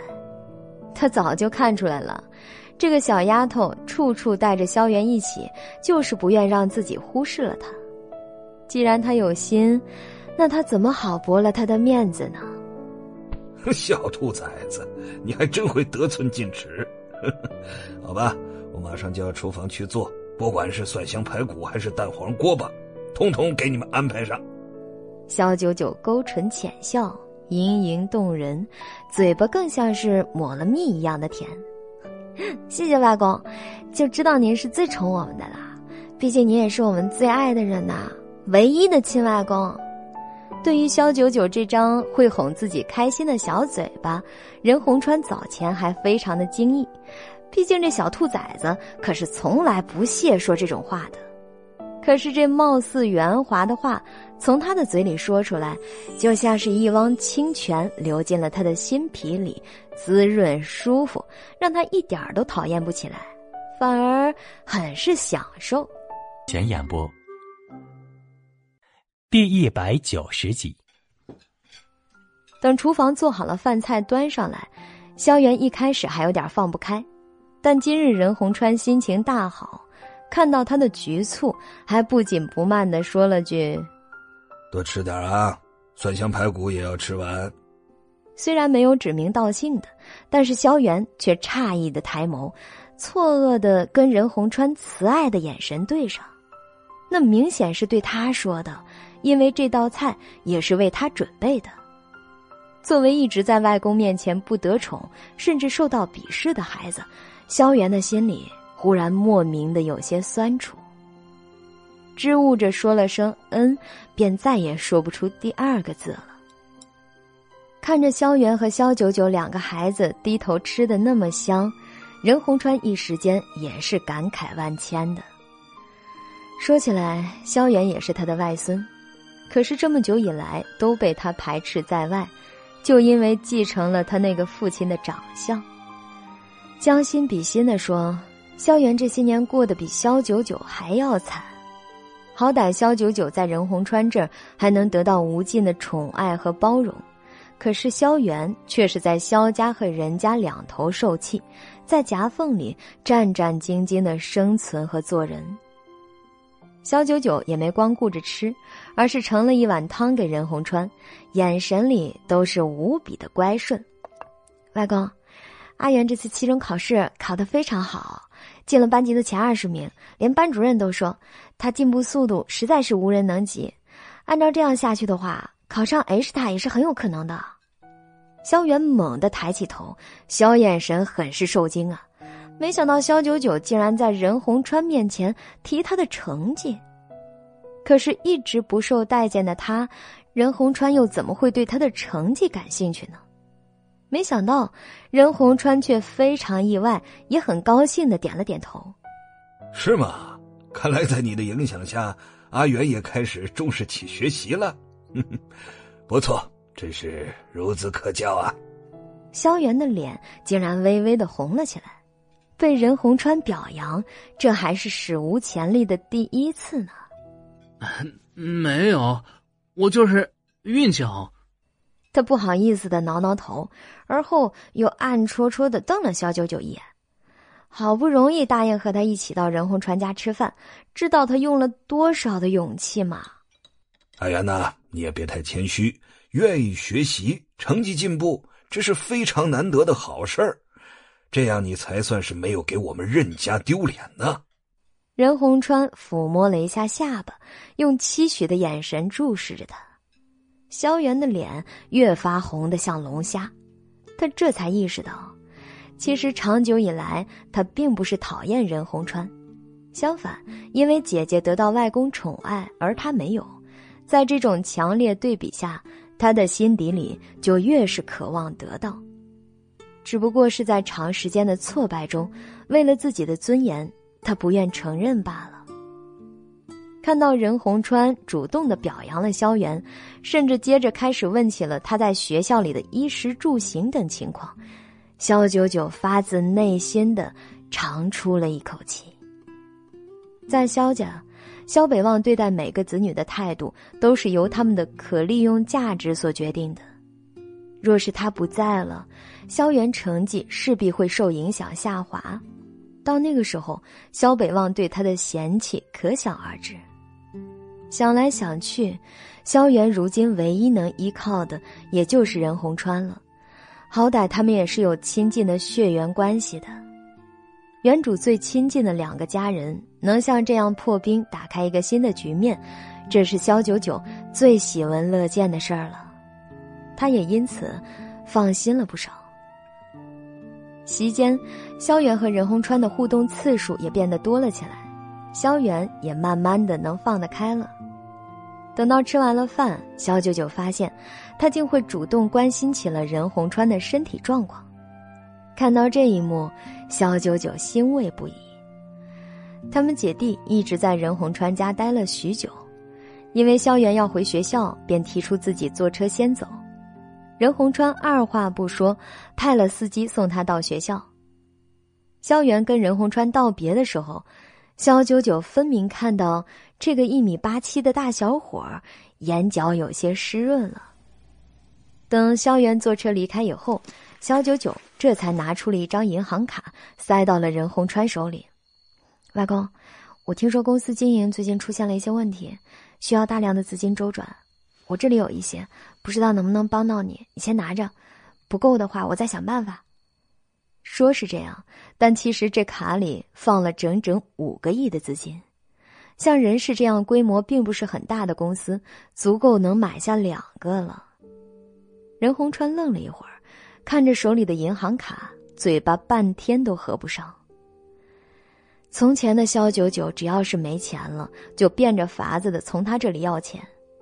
虽然他本来就很宠他，但肖九九一次次的把他当提款机一样，拿完钱就走人，仿佛给他钱是理所应当的。这也慢慢的让任洪川有些心寒了。而如今，肖九九拿了这张卡给他，不管卡里数字是多少，总算是他一番心意，这就足够让他感动不已了。小兔崽子，你从哪里听到风言风语的？我们认识公司没有问题，也不需要什么周转。你挣的都是辛苦钱，还是自己留着吧，将来一定会用得到的。他把银行卡退还给了肖九九，心里却是非常矛盾的，又高兴又哀愁。高兴的是，肖九九实在跟换了个人一样，懂得心疼他，甚至反哺他了。哀愁的是，他不管怎么算，肖九九那些片酬、代言费什么的，加起来也不过公司九牛一毛的。外公，这是我孝顺您的一颗真心呐。您要是不要的话，就等于把九九的真心拒之门外了。您真的要这么狠心吗？还是说您根本就看不起九九这点钱？肖九九眼神里写满了失望，嘴巴也跟着微微撅了起来。任洪川看他一副娇憨的样子，眼前顿时浮现出当年任秋慈在他膝下撒娇的情景，一时仿佛穿越了时空一般，感慨无限。哎，不不不，外公怎么会看不起你呢？傻孩子，外公是心疼你啊！好不容易挣点钱，你得留着。外公，您不用担心，我现在可红了呢，手里的代言多的都数不过来了，后面接了不少的片子，正在挑选当中。您还怕我养不起自己？啊？肖九九说着，直接把卡塞到了任洪川的裤兜里，还调皮的拍了拍，不允许他再拿出来。任洪川点点头，唉，好吧，那我先收着。不过你和金飞两个人现在到底怎么样了？既然你们已经公开了关系，那就要好好的在一起呀。喜马拉雅独家出品，第一百九十一集。肖九九无言，他倒是想和顾金飞相安无事，好好的。但是现在这个局面，明显已经没有那么容易了。略顿了一下以后，他才冲着任洪川笑道：“既然都已经公开了，我们还能当着亿万网友的面整什么幺蛾子不成啊？那不是打脸吗？”似是而非的回答让任洪川眼里闪过一抹疑惑。这小兔崽子上次还态度非常坚定的排斥顾金飞。怎么这次这么配合，这么乖巧？难道是顾金飞已经成功的俘获了他的芳心了？好奇心一时上来后，任洪川一时摸了摸下巴，关心中带着一抹八卦的意味：“你和金飞到底是怎么在一起的？啊，我是说，怎么想起来公开关系的？”当初微博上肖九九的负面信息风浪闹得那么大，他也是整宿担心的睡不着觉。可是隔天起来一看，就发现顾金飞已经强势的官宣了他们的关系，那语气无疑是霸道又宠溺。看到外孙女婿如此袒护着自己亲爱的外孙女儿，任洪川拿着手机都笑得合不拢嘴了。也因此才会想找到顾离和商量，给两个娃风风光光的补办一场婚礼。要不是顾离和提醒了他，这会儿肖九九早就已经进了顾家的门了。回忆着这些事情，任洪川的心里很是感慨万千。他这一生最爱的人，先后撒手人寰，离他而去，如今膝下就只有这么一个外孙女。如同掌上明珠、挚爱珍宝一般捧着、呵护着。只要是肖九九能幸福，他无论付出什么也是心甘情愿的。可是从萧九九跟顾金飞领证那天起，他们这段婚姻就注定不会太圆满。无数个深夜里，任洪川都难以入眠，反思着当初这个决定，对于宝贝外孙女来说，到底是好的还是坏的，亦或是好坏参半。任洪川拉着萧九九在沙发上坐下，拍了拍他的手背，慈爱的注视着他。萧九九已经想好了无数个托词，可以在短时间内应付掉。但是对上任洪川那双深陷又疲惫老态的眼眸，他一时间有些不忍。自己本就是来做最后的准备的，任洪川这边当然也要安排的妥妥当当的，让他对自己的感情大事放心才行啊。外公，实话和您说吧，金飞呢，他确实是在追求我，上次的官宣是他单方面的决定。他既是一番好意，您外孙女儿不能打脸不是？所以事情已经发展到这一步了，我只能给他机会。至于我们两个，最后到底是否有缘，这一切还要看上天的造化了。这一番话，百分之八十以上都是掏心窝子的。任洪川听罢，不禁长叹了一口气。原来两个娃子并不是彼此相爱啊。他们的感情之路还长着呢。哎呀，好，好，既然是这样，那外公知道了。不管怎么说，你们已婚是个事实。不管有多少男孩子追求你，你都要把金飞放在优先序列考虑，好吗？他有意撮合他们这段姻缘的本意，至今没有动摇过。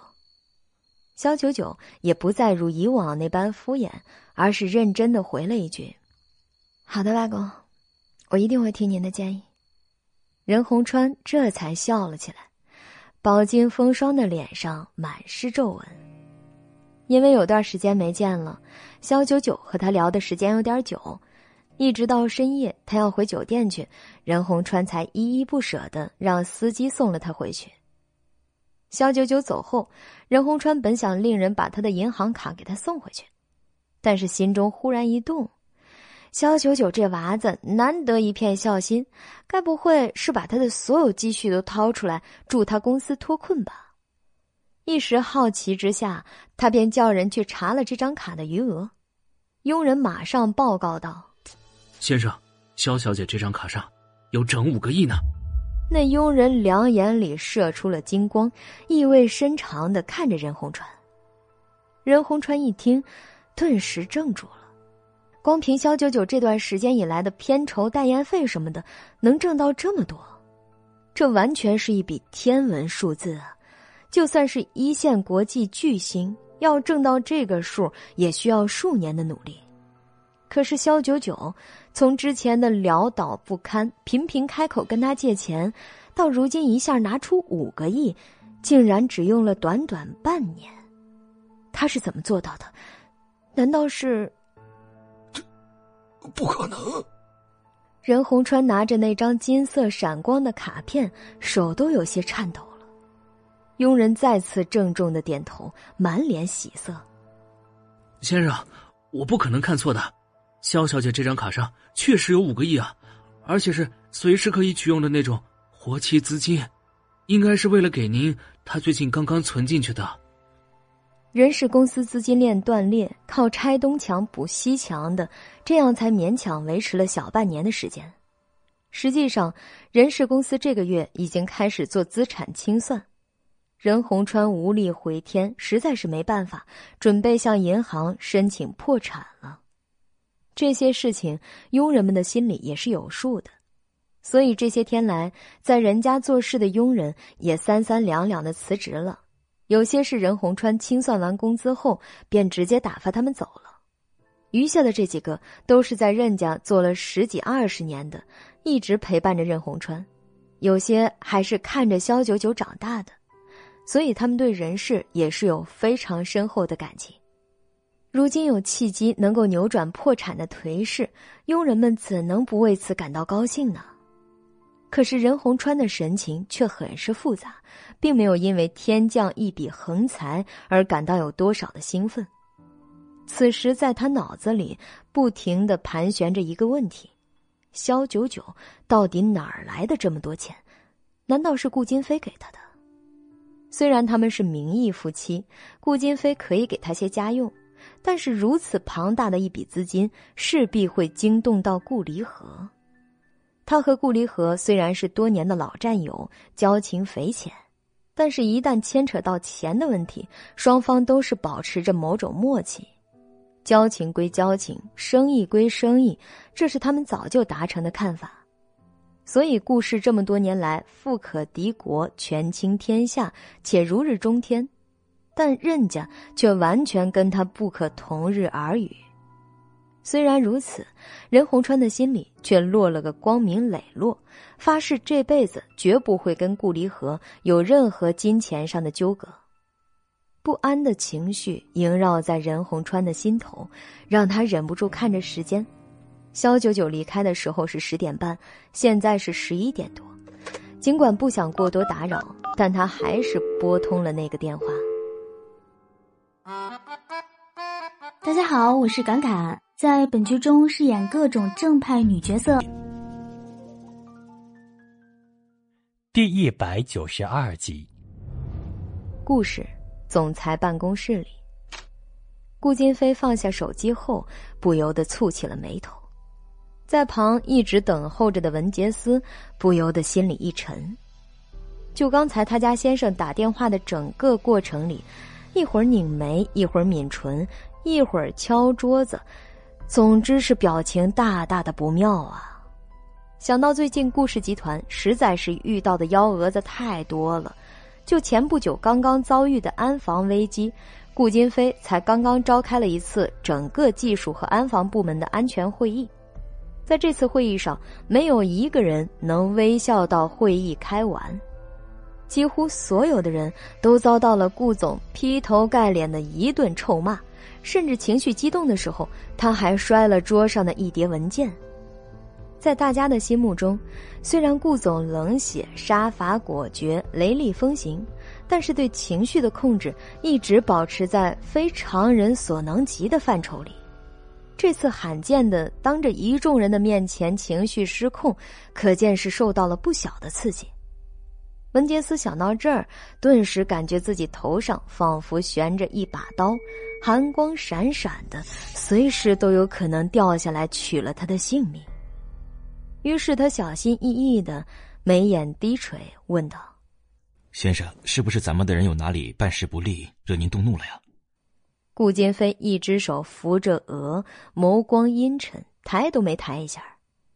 半晌，才在文杰斯忐忑不安中回道：“小九九，他给了任洪川五个亿的卡，让他用来拯救濒临倒闭的人事公司。”文杰斯半张着嘴，诧异无比。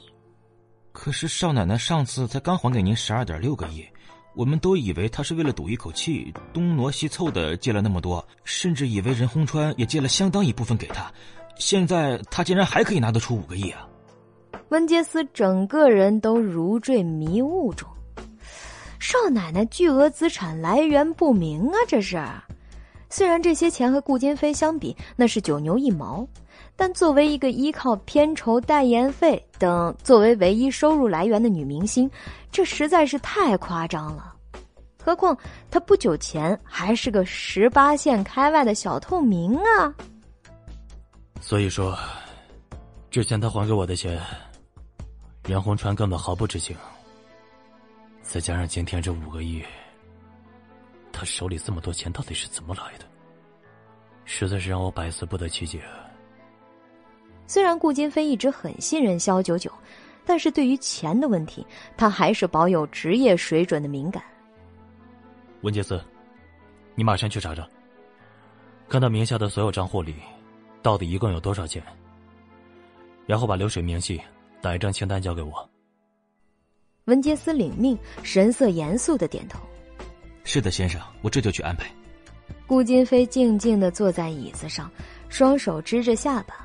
盯着桌上的手机，沉思了好一会儿，他还没想好，到底要不要直接去问肖九九。可若是这笔钱真的有问题，他不愿回答怎么办？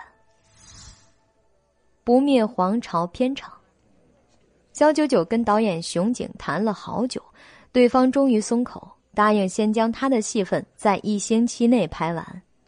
这就意味着片场的整个进度要重新安排，动静如此之大，闹得整个剧组人人皆知。王可元怎么会错过这样的机会？立即把这个消息发到了微博上，标题就叫“皇朝剧组再生风波，女二肖九九耍大牌，要求提前杀青”。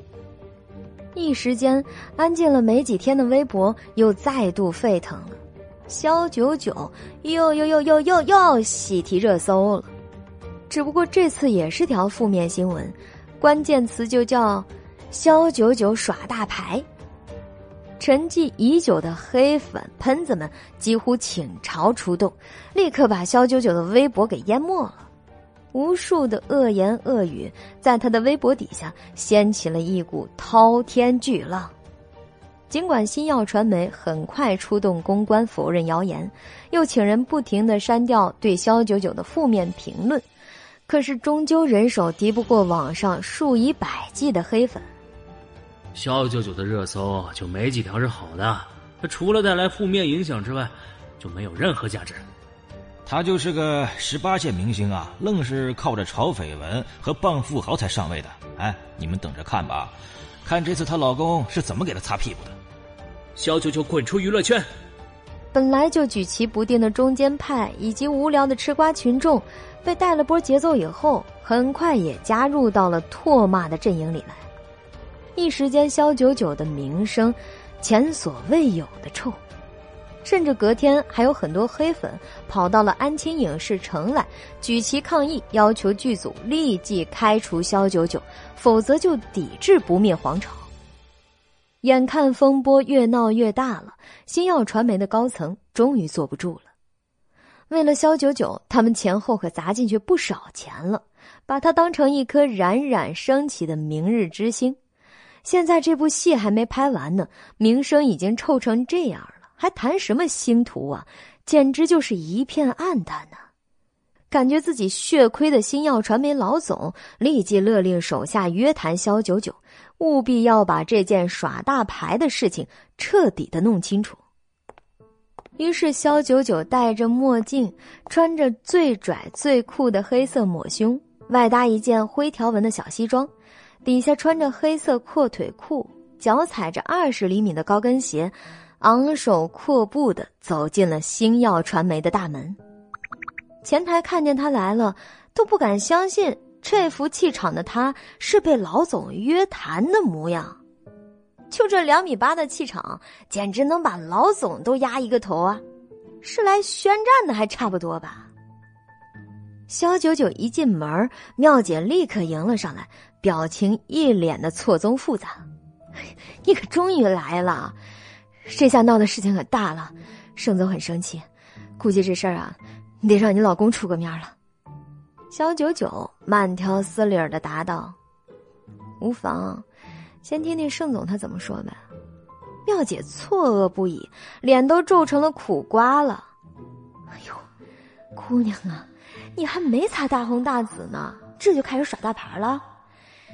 你到底是来挨训的呀，还是来骂人的呀？怎么有种主客颠倒的感觉呢？”妙姐隐隐觉得有些不妙。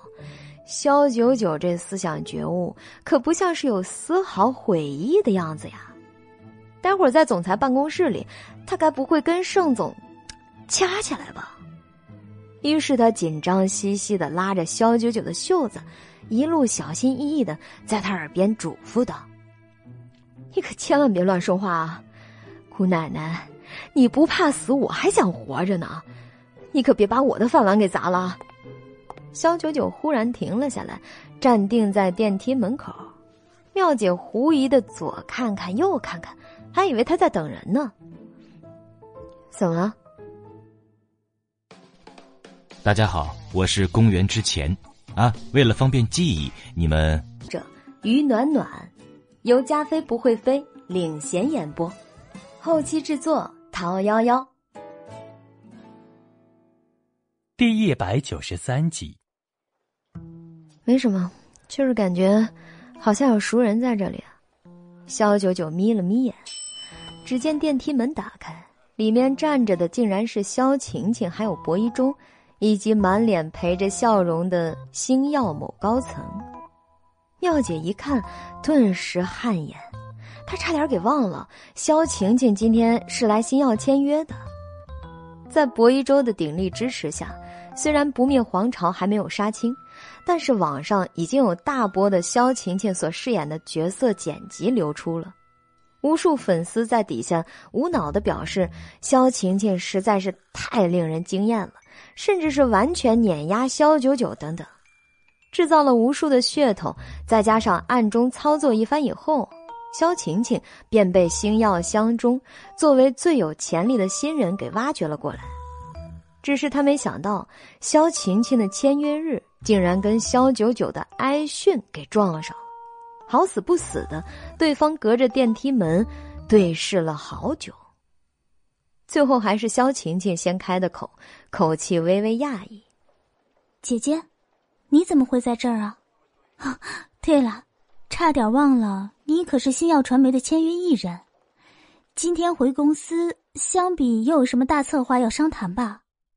薄一舟也怔怔的看着萧九九，而电梯里那名高管一听萧晴晴这么说，顿时掩饰不住鄙视，嗤笑出声：“哼，什么大策划呀？不就是到盛总办公室里面挨批去了吗？这个待遇可不是每一个艺人都可以享受的呀！”妙姐狠狠的瞪了那高管一眼。要知道，之前这帮人看到肖九九，从来都是低眉顺眼，跟孙子一样的。现在肖九九耍大牌，丑闻缠身，被总裁约谈的消息一出来，全公司上下都在猜测，到底她的老公顾金飞会不会来帮她一把？但事实证明，顾金飞对网上满天飞的丑闻仿佛充耳不闻，这无疑验证了坊间传闻。顾金飞和肖九九根本就没有感情，双方的婚姻不过是利益合作，所以这高层才会对肖九九如此的放肆。毕竟昔日肖九九在公司飞扬跋扈的时候，他心里瞧着就特别不舒服了。这会儿好不容易他要垮了，他当然要趁机狠狠的踩上几脚。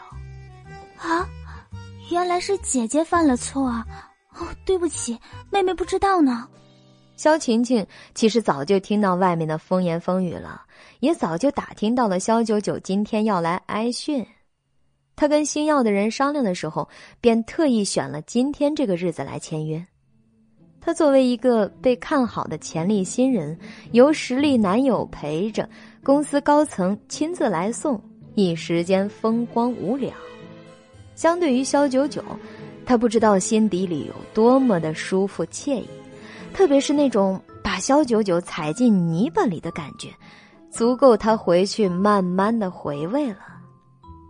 肖晴晴面上虚伪的道歉，小心翼翼的陪着不是，仿佛对这个姐姐的喜怒哀乐都非常的在意。而肖九九从头到尾都一言不发，好像面前有个苍蝇在嗡嗡，不耐烦的还挖了挖耳朵。亮姐。刚才有什么东西飞过去了吗？妙姐一头雾水，啊，有什么？苍蝇啊！肖九九把手指弹了弹，表情是无比的鄙夷和厌弃。是苍蝇，还特别吵闹的那种。没事儿，一会儿拍死就好了。虽然他并没有回应肖晴晴的话，但是只要是眼睛不瞎、耳朵不聋，都知道他这番操作到底是针对的谁。只见萧晴晴忽然演技爆棚的泪水瞬间就在眼眶里打了转儿转，说话间嗓子都有些涩哑了。姐姐，我真的是担心你不开心，不是有意冲撞你的。如果你不高兴的话，大可以骂我，何必要这样羞辱人呢？看到萧晴晴哭起来，薄一舟原本保持平静的脸上再也挂不住了。九九，你也太过分了。晴晴，他处处在为你考虑，可是你呢，却一句又一句的伤人的心呐。看来网上谣传不是空穴来风啊，你变了，现在是真的开始目中无人了，耍大牌了呀！啊，不，一周哥，你不要这样说姐姐，她已经够难过了，都是我不好。如果姐姐不喜欢的话，我们改天再来签约好了。见萧晴晴这样说，那陪同的高层一时急了眼。薄家也是亲自给他们打过招呼的。这位萧晴晴是薄家首肯的未来儿媳妇儿，也就是准薄少奶奶。薄家在柳城家大业大，他可是得罪不起啊。哎，晴晴，你可别这么说啊！萧九九是萧九九，啊，你是你。你犯不着为他的错误买单，你是全公司一致看好的明日之星啊！哎，可不能为了这种人放弃了大好前途啊！高层的话字字戳人心窝，这一捧一踩的也他妈是没谁了。妙姐顿时忍不住了，虽然她是星耀传媒旗下的经纪人，但是她带萧九九已经好几年了，怎么说也是自己手下的艺人，高层怎么能当着她的面如此讥讽萧九九呢？这不是明摆着不拿他当回事儿吗？我说王总监，你这么说话也不怕风大闪了舌头啊？肖晴晴有潜力，肖九九就没有吗？之前他给公司带来无数广告收益的时候，我怎么没见你这样说过呀？那王总监的脸色顿时绿了一下，但很快又恢复如常。正所谓这此一时彼一时，肖九九曾经确实炙手可热。虽然没有作品，但他能带来的流量可不比一线差多少。可如今的他，因为自己的作妖，一夜之间代言的邀约仿佛都蒸发了一样，就连原本在商谈中的也都跟着搁浅了。眼下唯一还拿着的代言，也只有山文公司的朵蕾系列了。我怎样说话呀？我们做娱乐的，又不是做慈善的。一个艺人带来不了任何收入啊，还要耍大牌，你说啊，这是我现实，还是他自己不珍惜啊？就在双方剑拔弩张之际，肖九九拉了一下妙姐的手，道：“别吵了，时间差不多了，我们该上去了，别让盛总久等了。”妙姐愣住了，平时有个什么事儿都不见肖九九这么积极。今天怎么这么主动的想要去盛总办公室挨批呀？他还以为是肖九九被王总监还有肖琴琴等人怼得心里不痛快，于是强忍下了心中的那口气。等萧琴琴等人走出电梯的时候，萧九九跟他们擦肩而过，正准备进去时，薄一舟却忽然一把拉住了他。只见他皱着眉头道：“九九。”你必须要为你刚才的话给晴晴道歉。大家好，我是加菲。第一百九十四集。肖九九冷眸盯着他抓着自己的那只手，仿佛在盯着世界上最肮脏的东西。他一言不发，只是盯着，反而让所有的人视线都集中到薄一舟的那只手上。一时间，气氛无比尴尬的僵持，空气仿佛都凝固了一样。薄一舟拉着的还不是肖九九的袖子或者手腕，而是直接拉住了他白皙柔嫩的小手。如果不是因为他在叫嚣让他道歉，不知情的人还以为他在占肖九九的便宜。放开！肖九九只是冷冷的从牙缝里挤出了这两个字。薄一舟被他那强大的威压震得有些说不出话来，竟立即听话的放开了手。肖九九立即从包里拿出了消毒洗手液，对准刚才被他拉过的手喷了好久，而后叫上妙姐，两人一起乘上电梯，门即刻关闭的死死的。薄一舟险些喘不上气来，直到肖九九离开了，他才恍然大悟。刚才自己都做了什么？就因为被肖九九瞪了，竟然怂了。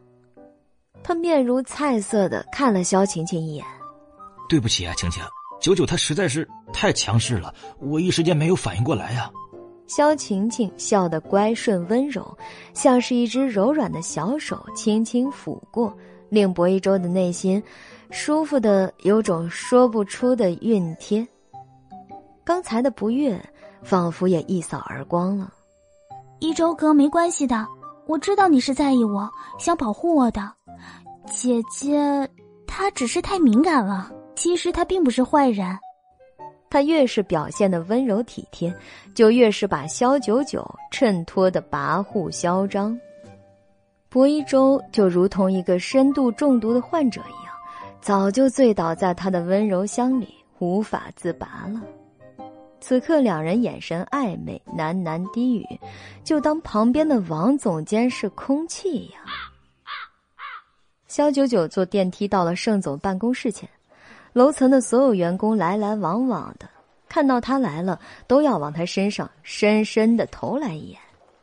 他耍大牌的风波闹得那么大，谁都知道盛总这次是真的生气了，要不然也不会直接把他叫到办公室里。待一会儿，一阵暴风雨怕是少不了了。肖九九却如同压根儿没看到一样，径直朝着盛总的办公室走去，眼看就要推开门。妙姐却紧张的低语道：“九九，你待会儿可千万不能乱说话呀！盛总可不是王总监他们那样的，顶撞几句还不打紧。盛总他脾气可不好，要是生起气来，事情就再也没有回转的余地了。啊！”言外之意，他希望肖九九拿出正经 IP 的态度，低眉顺眼的承认错误就好。只要等盛总的火气发完。考虑到他毕竟是山文的老板娘，总不会太为难他的。肖九九斜睨了他一眼，只点了点头。妙姐便在心里阿弥陀佛的祈祷起来。两人推开门的瞬间，却发现办公室里并不似他们想象的那般，气氛都凝结到冰点。盛总坐在办公室宽大的真皮座椅上，平时总是派头十足的样子。此刻却是拘谨的正襟危坐着，脸上不时的还绽放出一个讨好的笑容，而他面前还有一个男人，正好背对着肖九九他们。看样子，在他们来之前，他和盛总已经聊了一会儿了。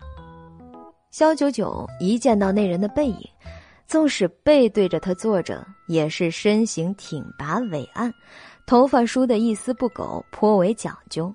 而一身的高级手工定制西装，更是彰显了他卓而不凡的身份。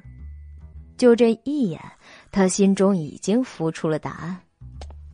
果不其然，听到声音，这男人转过身来，和肖九九四目相对，顿时绽出噼里啪啦、旁人看不见的火花来。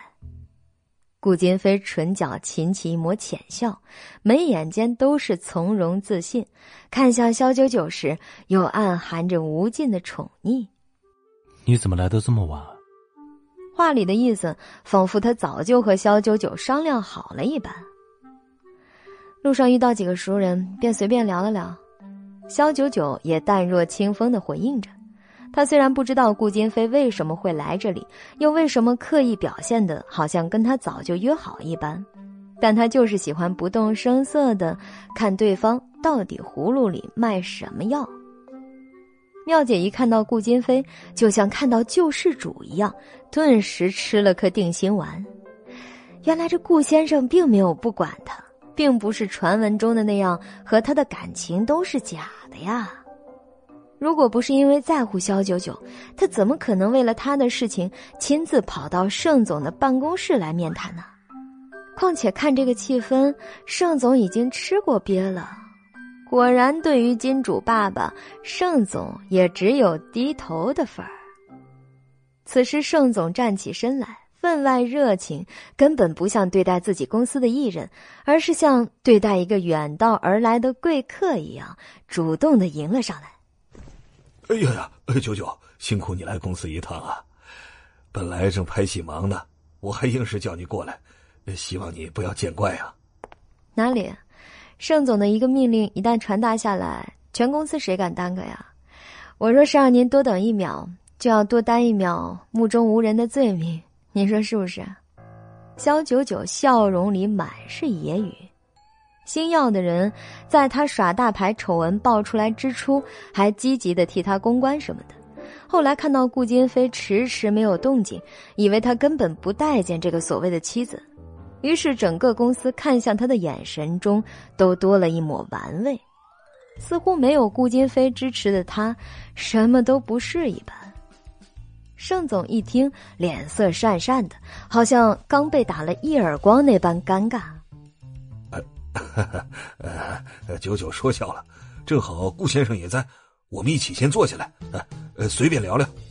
盛总一边说着，一边邀请肖九九过去。肖九九便挨着顾金飞坐了下来。盛总心虚的看着他对面的夫妻二人，其实要聊的东西，刚才顾金飞都已经跟他说过了。肖九九是我的妻子，也是我最珍视的人。之前因为公司太忙，耽误了，没能抽空过来。既然今天来了。我就把话说开，倘若贵公司不能在我太太无辜受到攻击的时候给予有力的保护，那么我只能让我太太改签别的公司。这就是顾金飞一到他的办公室抛出的话。没有了一个肖九九，对旗下明星众多的星耀传媒来说，可能损失不大。但是失去了顾金飞的支持，他们便流失了一个重大的客户资源。如果肖九九真的改签了别的公司，这个新闻闹大以后，娱乐圈里对星耀的风评也一定会急转直下。到时候股票市场表现那是可想而知的惨淡。前演播，第一百九十五集。不知道盛总想聊些什么？肖九九双臂环抱，好整以暇的看着对面的盛总。盛总背后冷汗涔涔，这话题从何说起呢？方才他已经感受过一遍来自大佬的压力了，现在还要把刚才的经历重演一遍，无异于鞭尸或是火烤啊！呃，这个嘛，就是最近网上微博那事儿闹得挺大的，公司尽力在公关了。想和你说一声，不要受到舆论攻击的影响，只要相信公司，一定能帮你度过这次危机。斟酌了一番之后，盛总早就把起初要说的话嚼烂了，咽进了肚子里了。什么质问肖九九耍大牌到底是为了什么，还想不想在娱乐圈混下去之类的话，给他一百个胆子他也不敢说了。肖九九眉头微微上挑，其实大家都心知肚明。于是他也没有接茬，而是把视线转向了顾金飞，看看这位大佬意欲为何呀？关于这一点，在你来之前呢，我已经和盛总达成一致的意见了。总之，今后你可以相信他，更可以相信我，这件事情绝对不会无止境的扩散下去的。这下，肖九九心中当真是一片明了了。顾金飞的意思，他今天来无疑就是专门给盛总，也是给整个星耀传媒施压的。既然效果已经达到，他也就无需多言了。感谢盛总一番心意，既然公司都已经安排好了，我也就放心了。对于这种子虚乌有的事情，流言毕竟经不起推敲的，很快就会烟消云散了。盛总看着他的眼睛，虽然带着巴结的笑意，但嘴角微微忍不住的狂抽啊！我捅了这么大个娄子，还说的如此云淡风轻的，最后还不是由顾金飞出马，把整件事情给压下去吗？罢了罢了，谁让他一个星耀传媒干不过财大气粗的山文呢？向金钱大佬低头，这是他一贯的风格。老婆，我看盛总也挺忙的，如果没有什么事，我们就先不打扰他了吧。顾金飞从善如流的起身，施施然的拉住了肖九九的手，当着盛总的面儿，肖九九也就任由他拉着，两人一起向盛总告辞后，盛总却忙不迭的跟在后面。二位慢走啊，我送你们下去。几分钟后，在同一个电梯口，叮的一下。电梯门打开，戏剧化的一幕出现了。特意在楼下拖延时间，就为了看肖九九 I P 后的丑态的肖晴晴，并没有看到他想象中期待的那一幕。恰恰相反的是，坐在靠近电梯口休息区的他、薄一舟，还有正在谈话的王总监，第一时间看到了肖九九由一个男人贴心的牵着手，而盛总则像个小跟班一样帮他们开电梯门，而且处处小心翼翼。哎呀！正端着一杯咖啡的王总监，看到他们平时那个人人畏惧的盛总，竟然屁颠屁颠的跟在肖九九他们后面，立时惊叫出声。再看看肖九九旁边那男人，虽然之前从未见过，但能在公开场合这样牵着肖九九的手，毫无疑问的只能是她的老公顾金飞本尊了。萧晴晴只扫了顾金飞一眼，视线便再也难以挪开。这个男人五官深邃立体，双眼如鹰隼，锐利逼人，长相俊美非常，举手投足间一个不经意的小动作都带着天生的贵气，让人一眼难忘。虽然之前微博上早有好事的人扒出了顾金飞的照片。萧晴晴也专门留意过，但是真人和照片比，还是犹如谪仙一般，华丽的让人不敢相信。和他一比，所有的男人立刻相形见绌，就连薄一舟的身上似乎都是一股暴发户的气息，土得掉渣，土得令人厌弃。那一刻，萧琴琴的嫉妒就像万千条毒蛇在五脏六腑中钻过。没想到萧九九那个从未露面，就连上次萧家家宴也借故推辞掉的老公，真人竟是这样的俊美。哎，盛总，这位应该就是传说中的顾顾先生了吧？王总监早就跳起来，像只哈巴狗一样转舔起了顾金飞了。哎呀，哎，真没想到您今天百忙之中还可以抽出空来，呃，亲自来咱们这个公司来。我还以为，呃，您没有时间呢。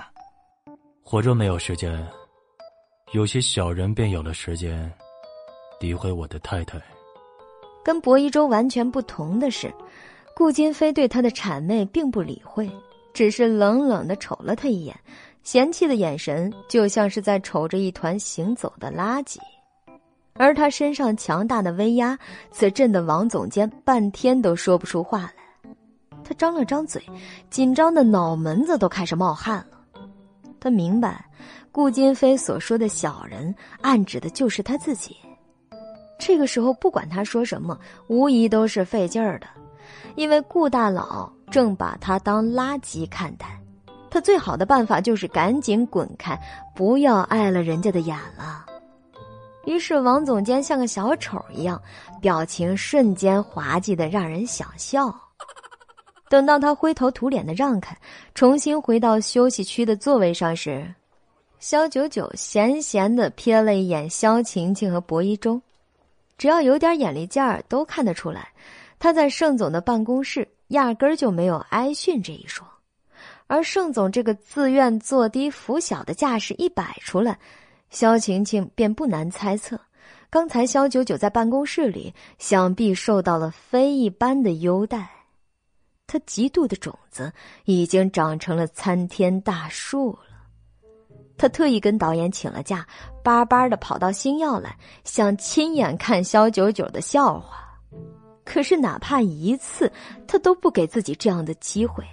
相反，还总是用无形的巴掌，清脆的打在他的脸上，让他感觉到了火辣辣的疼痛。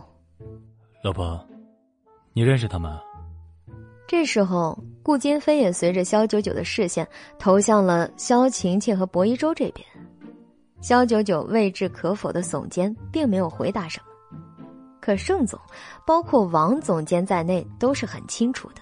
萧晴晴可是萧九九的继妹啊，虽然没有半点血缘，好歹也是生活在一个屋檐下的一家人。顾金飞作为萧九九的老公，对薄一舟这个准妹夫半点不识也就算了，可对待萧晴晴也是冷漠疏离，满不在乎。可见萧晴晴在他们心中斤两几乎可以忽略不计。既然不认识，就不要耽误时间。我们说好一起看房子的，走吧。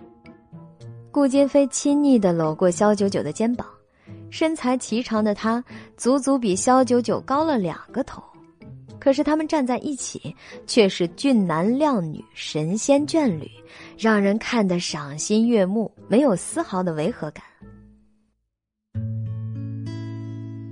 喜马拉雅独家出品，第一百九十六集。在众人羡慕的双手捧心的视线中，肖九九就那样随着顾金飞一起走出了星耀传媒的大门，只留下背后肖晴晴那阴寒的渗人的目光。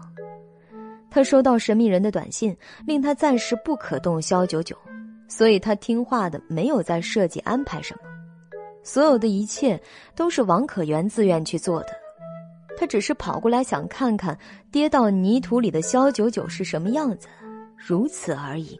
为什么老天连这个愿望都不能满足他？肖九九出门后，立即把顾金飞不安分扶上小蛮腰的手给撇开。你今天够可以的呀，给自己加了不少戏。你当个总裁真是可惜了，你为什么不去演戏呢？你？肖九九双手环胸，斜似的打量着顾金飞。说实话，平时忙到每天都加班至深更半夜的他，今天为了自己特地抽出空来，跑到星耀传媒来帮他，他的心也不是石头做的，感动确实是有一点。只不过，这份感动中又带着些许的愧疚。有可能以后再也不能让他像今天这样。以她老公的身份任性妄为了。顾金飞却像个老油条一样，把被他撇开的手重新搂上了他的肩膀。公众视野下，咱们这样会比较好一点。现在盯着你的记者多着呢。果不其然，他话音未落，早就等在马路边的一群记者见状立即冲了过来，长枪短炮的对着他们一通乱拍。咔嚓咔嚓的快门声和镜头的闪光灯，几乎把肖九九的眼睛都亮得睁不开了。肖小姐，请问你现在深陷耍大牌的丑闻，感觉压力大吗？请问您片场耍大牌，然后要求导演提前杀青您的所有的个人戏份，是真的吗？肖九九抿了抿唇，顾金飞却把他搂得更紧了，似乎想借此给他传递一些力量。可他不知道的是。某一世，身为世界级影后的她，对这些记者的狂轰滥炸早就见怪不怪了。这点心理准备她还是有的，一切都不过是小场面而已。于是他拿过其中一个话筒，对着记者道：“是真是假？你们现在不用急着发问，大可以过几天再看看。做记者的，光会捕风捉影可不行，一定要有耐心啊。”他的话沉稳中带着飞一般的自信，上扬的眉毛，熠熠生辉的桃花眸，根本不似一个被丑闻所影响的人。记者们对他这一番话感到摸不着头脑。正要发问的时候，顾金飞却一把抢过话筒：“我老婆戏份提前杀青，是因为我们夫妻两个要补过蜜月，行程早就定好了，这是我要求他做的，他不过是听了我的话而已。”记者们个个都愣住了，很快被这碗从天而降的狗粮给砸懵逼了呀！顾大佬撒糖的操作并不是一次两次，之前每次肖九九出了事儿，顾金飞都是第一个出来维护他的，而这次就更加直接了。什么？因为要度蜜月，所以提前结束了戏份？我也知道这样做有点自私，所以我已经准备好了。给剧组的补偿，你们好奇的话，可以去问问导演熊景。顾金飞抛下了一个惊天大瓜之后，就搂着肖九九，迫不及待的对他们挥了挥手。我们还有事，先走了。毕竟蜜月的行程啊，可是不等人的。记者们还想追问些什么，这时路边一辆加长的林肯驶来，文杰斯打开车门下车，又帮他们拉开了后车门。肖九九上车前，从后视镜看到大门口的方向，肖晴晴正跟薄一舟走出来。看他的脸色深沉，此时应该是非常的不悦。各位记者朋友，我刚知道我妹还未毕业就签约了新药，我挺替她高兴的。这个起点很高，要不各位去祝贺她一下啊？小九九说着，便从包里拿出了一叠红包，扔到了记者群里。记者们立即低头开始抢起了红包来，迫不及待的拆开一看，最少也是五百起步，运气好的还有两千整的。这波超能力简直惊呆了众人呐，也顿时斩获了记者们的好感。毕竟，他们之前无论去哪儿都是被明星厌恶的狗仔而已。现在肖九九不仅不嫌弃，还亲自给他们发红包。这般强烈的对比之下，只要是个人都已经被他给征服了。肖九九坐上车，一行人旋即消失在了众人眼前。记者们收好红包，转过身就看到肖晴晴果然和薄一舟走了过来。肖小姐，听说您已经签约了星耀传媒，可是您还没有从学校毕业，也没有任何的演艺经验。这样的高起点是否跟薄先生的帮助有关？记者们反应迅速的，个个把镜头都对准了肖晴晴。虽然肖晴晴也很期盼某天能被记者团团围住，可能也是在她火了之后的事儿。现在这样突兀的被记者围追堵截，并且被问到如此犀利的问题，她白皙的小脸儿顿时涨得通红。方才在星耀和肖九九较量中落败，心情很不好。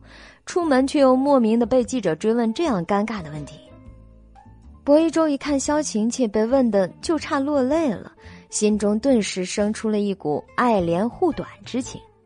想到萧九九被顾金飞那般维护，自己当然也要好好的保护萧晴晴，才不会让他觉得自己比姐姐矮多少。于是他一边用外套蒙住萧晴晴的头，一边用手推搡记者，喝道：“谁让你们瞎拍的啊？谁告诉你们他签约的？都给我滚开！把机器都关掉，不然我让你们好看！”薄一舟像个刚直的纯爷们儿一样，冲记者们威胁道：“因为肖晴晴情绪低落，他的心情也受到了很大的影响。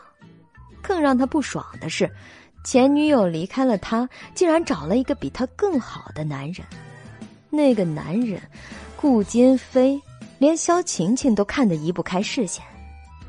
心情糟糕的薄一舟把满心的怨怼都发泄在了记者们的身上。可是，在记者看来，他越是生气，就越表示萧晴晴这签约八九不离十了，而且肯定是离不开他的支持的。虽然这个瓜不是那么的惊人，可毕竟也是丑闻一桩啊。只要爆出去，百分百会引起吃瓜群众的围观。既然拿了肖九九的红包，当然要替他把事情做好，照顾他的妹妹肖晴晴，让他更加为人所熟知，这也是应尽的义务嘛。望着车窗外被瞬间甩远的一众记者，还有莫名其妙被包围的肖晴晴以及薄一舟。肖九九狡黠的勾唇，从容的从包里拿出一颗太妃糖来，塞进嘴里嚼啊嚼。坐在一旁的顾金飞终于忍不住了：“你习惯随身装许多的红包吗？还是说……还是说，莫非他早就料到会被记者包围和盘问，所以早就准备好了那些个用来打点他们？”别的姑且不论，红包这一招是真的立竿见影的神来之笔呀！连顾金飞这样的大佬都没有想到他还有这一手。大家好，我是敢敢，在本剧中饰演各种正派女角色。第一百九十七集，小九九拍了拍自己的小包，我随身带的东西多了。红包嘛，不过是其中一种。顾金飞并没有追问下去，他知道这是肖九九在顾左右而言他。既然他有不想说的东西，他也不想逼问他。话说，你突然杀到星耀来，就为了给我救场？肖九九虽然很感激他，但感觉其实大可不必。这种小场面还需要惊动顾金飞这样的大佬吗？真是杀鸡借用了宰牛刀啊！啊，不然还能为什么？顾金飞点点头，全然不加否认。听到他有事，他恨不得第一时间飞到他身边来。但是无奈的是，有些东西影响了他的进度，导致他今天一早才能过来。肖九九敲了敲额头，这真真的是头疼无比啊！那你给记者他们说的也太夸张了吧？买房，度蜜月，嗯，为了掩人耳目，他还真的是什么都敢说呀！我没有夸张，我说的都是真的。顾金飞从身旁拿过一叠房产资料以及各种蜜月旅行的规划方案，就像企业在做大策划一样，认认真真的。肖九九一看，这些房产全部都是位于国外的，而且地址几乎包括了半个地球，而蜜月旅行的方案也都是在全球最浪漫的岛屿上。肖九九挨个看完，不自然的抽了抽唇角。为了怕记者查起来，还把功课做到这么细致啊！顾总，您这代价是不是有点大了呀？不，忘了那些该死的记者，忘掉那些该死的绯闻。我现在只要你选一套房子，再选个蜜月的行程安排。小九九瞪了瞪眼，看着一本正经的顾金飞，哼，大佬啊，你演戏未免太投入了呗。我们只是表面的夫妻关系而已，人前秀秀恩爱，我可以勉为其难的配合你，但是在人后还要这么卖力，对不起啊，恕难从命了。你是不是忘了我还在拍戏呢？虽然导演同意了先拍完我的戏份，但最起码也要三四天才能杀青。你现在跟我说要去买房，要去旅行，这完全就是新婚燕尔的赶脚啊！顾大佬，这是上头了吗？这是，没关系的，我等你杀青之后，我们马上就行动。顾金飞却是不疾不徐的凑近过来，在他耳边温言软语，两个人头挨在一起的样子，看起来是那么的暧昧，而顾金飞的眼眸里却闪烁着一种说不清道不明的情愫。一种能让人脸红心跳、让车内温度急剧上升、撩人的情愫。这时，前排开车的文杰斯不经意的从后视镜看到了这一幕，吓得脸色都白了。古人云“非礼勿视”，他赶紧啪的一下按了下按钮，一道幕帘顿时把顾金飞和肖九九隔绝在了一个单独、狭窄又暧昧的小空间里。这波灵性操作，文杰斯自问可以给到九十九分，再多一分他怕自己会骄傲。反正他的助攻给了肖九九的人头啊不，啊是他柔软的唇瓣，能不能拿下，那就得看他家先生自己的发挥了。顾先生，您似乎有些越线了。肖九九不动声色的用小手四两拨千斤，将顾金飞往外推了推。哦，哪里越线了？啊，你是说买房和度蜜月的事吗？放心，我早就已经帮你请好了假。现在全世界的人都在误会你耍大牌，你索性耍一次给他们看看。顾金飞说着，忽然一下栖身上来，就像一头觅食的野兽，细细的沿着肖九九雪白的脖子，一路向下嗅着。肖九九就算是千年未经人事，也知道这种情况下男人是想要做什么了。都怪他，上次在他办公室里，为了让老钱能逃脱，一时想了那么个办法，导致顾大佬现在对他。好像是有了什么严重的误会，这个姿势，这个眼神，分明就是上次他把他压在办公桌上的重演。对不起啊，顾先生，得罪了。肖九九一把搂过顾金飞的脖颈，一只手在他肩胛处点了穴，再将他一把推开。顾金飞顿时如同被针扎了一样。感觉肩膀又酸又疼，还奇痒难耐。他不停的用手去抓，同时错愕的抬眸看向肖九九。顾先生，顾二少，有的时候呢，我不得不提醒你，现在最好还是保持界限感比较好。刚才我若是手上力度再加强三分的话，你就会立刻晕厥过去。肖九九的眸中温度忽然变冷。顾金飞可以说是上头了，但他却绝不可以。毕竟。他只有一个星期的准备时间，要好好的把所有的人和事都安排的丝毫不差才行。特别是顾金飞这边，之前的错漏之处一定要全部纠正过来，绝不能让他抱着对自己的希冀和幻想，最后残忍的跪在现实的碎梦中。对于肖九九的警告，顾金飞惊讶的捂着疼痛不已的伤口。他果然够狠，为了阻止自己的亲近，竟然可以做到这一步。还从来没有人可以在这么亲密的空间里对自己出手，因为但凡被允许亲近他的人，都是文杰斯这样的亲信。这个时候，专注开车的文杰斯似乎感到了气氛有些许的不对劲儿。为什么少奶奶会说出那样的狠话？他到底做了什么，可以让他家先生毫无防备的晕厥过去？先生有什么需要吗？如果有的话，我这就靠边停车。文杰斯在前面不无小心的问道。顾金飞兀自捂着伤口，眼神从错愕转为复杂的思考。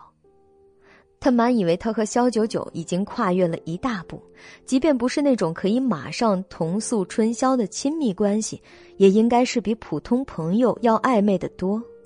不然上次他又怎么会在办公室里对自己不加防备的敞开怀抱？甚至如果文杰斯他们来的再晚一些，很多事情就木已成舟了。大家好，我是公元之前。啊，为了方便记忆，你们这于暖暖由加菲不会飞领衔演播，后期制作陶幺幺。第一百九十八集。但是面对文杰斯关切的询问，他还是把一切情绪都按捺了下去，以淡淡的，甚至带着些许责备的语气道：“停车做什么？”没讲，我和肖奶奶正有事呢。文杰斯后背一凉，他没有敢升起帘幕看他们在做什么。万一又撞到什么不该撞到的情况，那真是够死一万次的了。是上次办公室的教训还不够惨烈吗？这么想着，温杰斯决定，不管这一路后面再发出怎样奇怪的声音，他都不会主动再去多嘴询问了。是先生，我明白了。黑色的加长林肯在宽阔的林荫小道上无声的行驶着。车后座上，肖九九与顾金飞对视良久。到了被他警告的时候，他还要这样袒护自己，甚至丝毫没有怀疑自己什么。肖九九心底也感慨：这世界上，能被顾金飞这样爱着的女人。是何其的幸运呢！可惜，这女人为何偏偏是他呢？当然，我只是说如果，实际上我肯定不会那么做的。肖九九戏谑的说了一句，令车内的气氛顿时又轻松起来。他的眉眼间一片恬静，好像刚才只是跟顾金飞开了个玩笑。一个在旁人看来十分危险、足以致命的玩笑。我这里有些药，你把它敷在肩膀上，过会儿不适感自然就会消失了。小九九从包里拿出了一贴膏药，撕开来，那浓郁的中药味顿时弥漫到整个车里。看着他熟练的动作，顾金飞不由得眉头深蹙：“你的包里一直都装着这么多药，以防万一吗？”作为一个女明星，她这个包里最常见的竟然不是化妆品，而是各种药膏。哦，对，还有之前的红包、太妃糖等等乱七八糟的东西。肖九九自豪的翘起了唇角。我这个包就是个百宝箱，什么都有，只有你想不到的，没有我做不到的。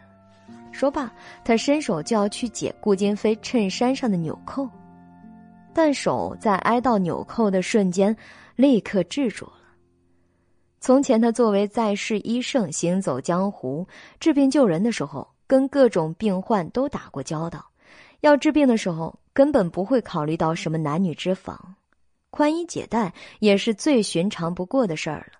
大家都不会往那方面去想，反而觉得这是很神圣的。但面对顾金飞的时候，他特别的小心了起来。还是你自己来吧。把衣服脱下来，露出肩膀的位置就行了。顾金飞眸光灼灼的，直勾勾的看着这个眼睛紧盯着自己衣服的小女人。对于他刚才突然的变化，他其实心知肚明，不想挑破罢了。他是故意要对自己设防的，要不然的话，他本应该自然而然的去帮自己解开衣服。抱歉，你刚才那一下。让我整个手臂都发麻了，现在我手抬不起来，只能麻烦你了。某大佬像个无赖一样出口便道，萧九九耳后微微一红，却又迅速的退去了。明知道他是故意在为难自己，可是他还是不自觉的深吸了一口气。毕竟是自己把他点穴弄得那么难受，不管他是不是在撒谎，现在先把他治好再说。萧九九伸出纤纤玉手，灵活的解开了他衬衫上的第一颗纽扣，随后是第二颗、第三颗。看着他的脑袋埋在自己的胸前，非常专注的在做这件事儿，顾金飞的心中忽然冒出了一个非常奇怪的想法：他实在是太熟练了。虽然之前他一直声称是那个世外高人教会了自己一些皮毛，可是他怎么看都觉得他会的绝对不只是一些皮毛而已。肖九九把顾金飞的衬衫退到一半，刚好露出结实健硕的肩膀，看着他紧致白皙的肌肤，却没有半点病态和娘化。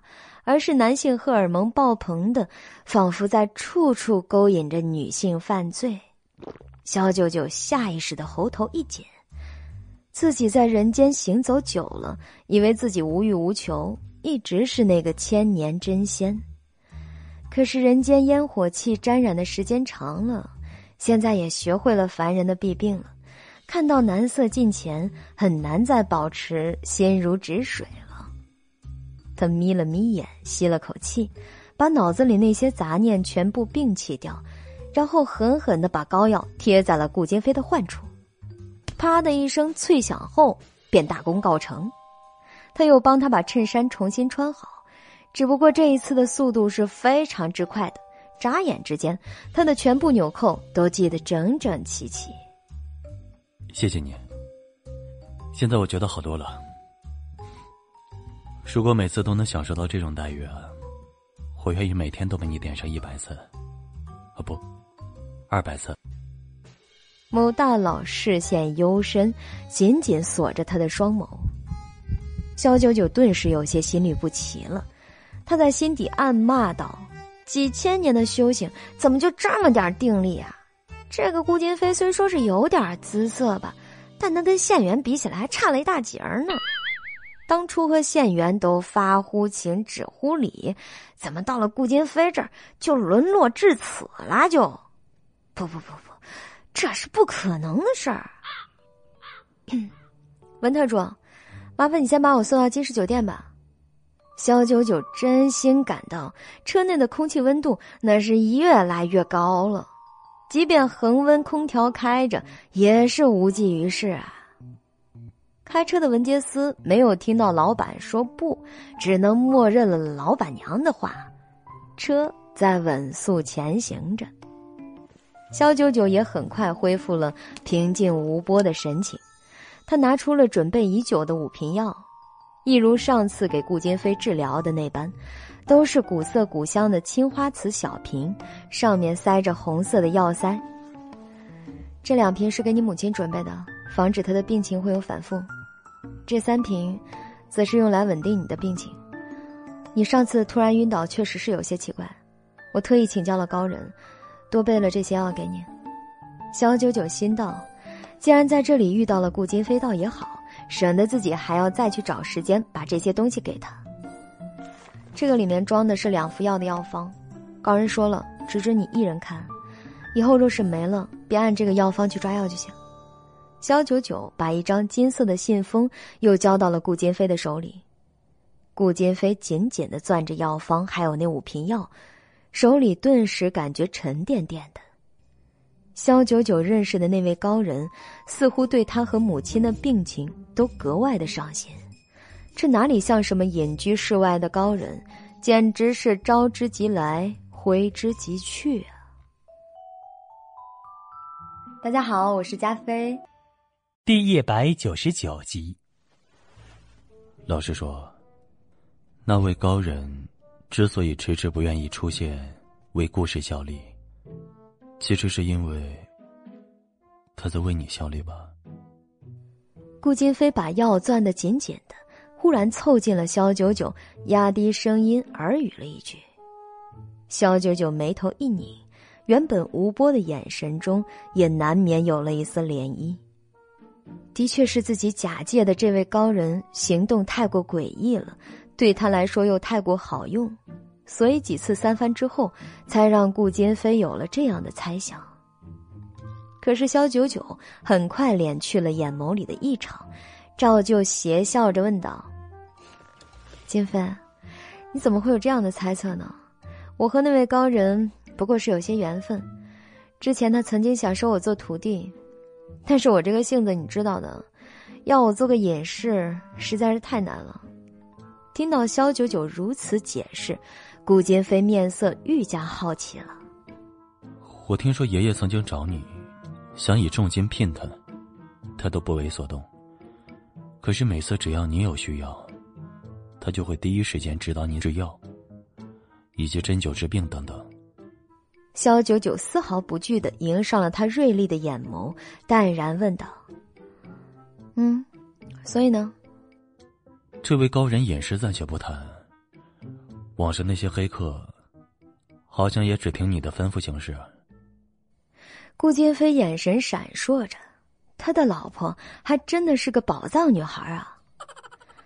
黑客只是巧合，我从来没有吩咐他们去做什么，要不然上次我发了微博以后，也不会杳无音信，石沉大海。如果他们真的愿意听我吩咐，早就已经现身来到顾总的公司，为你效力了。说起来，顾氏这对爷孙两人虽然互有猜忌，但顾金飞某些性格方面却是得到了顾离合的真传。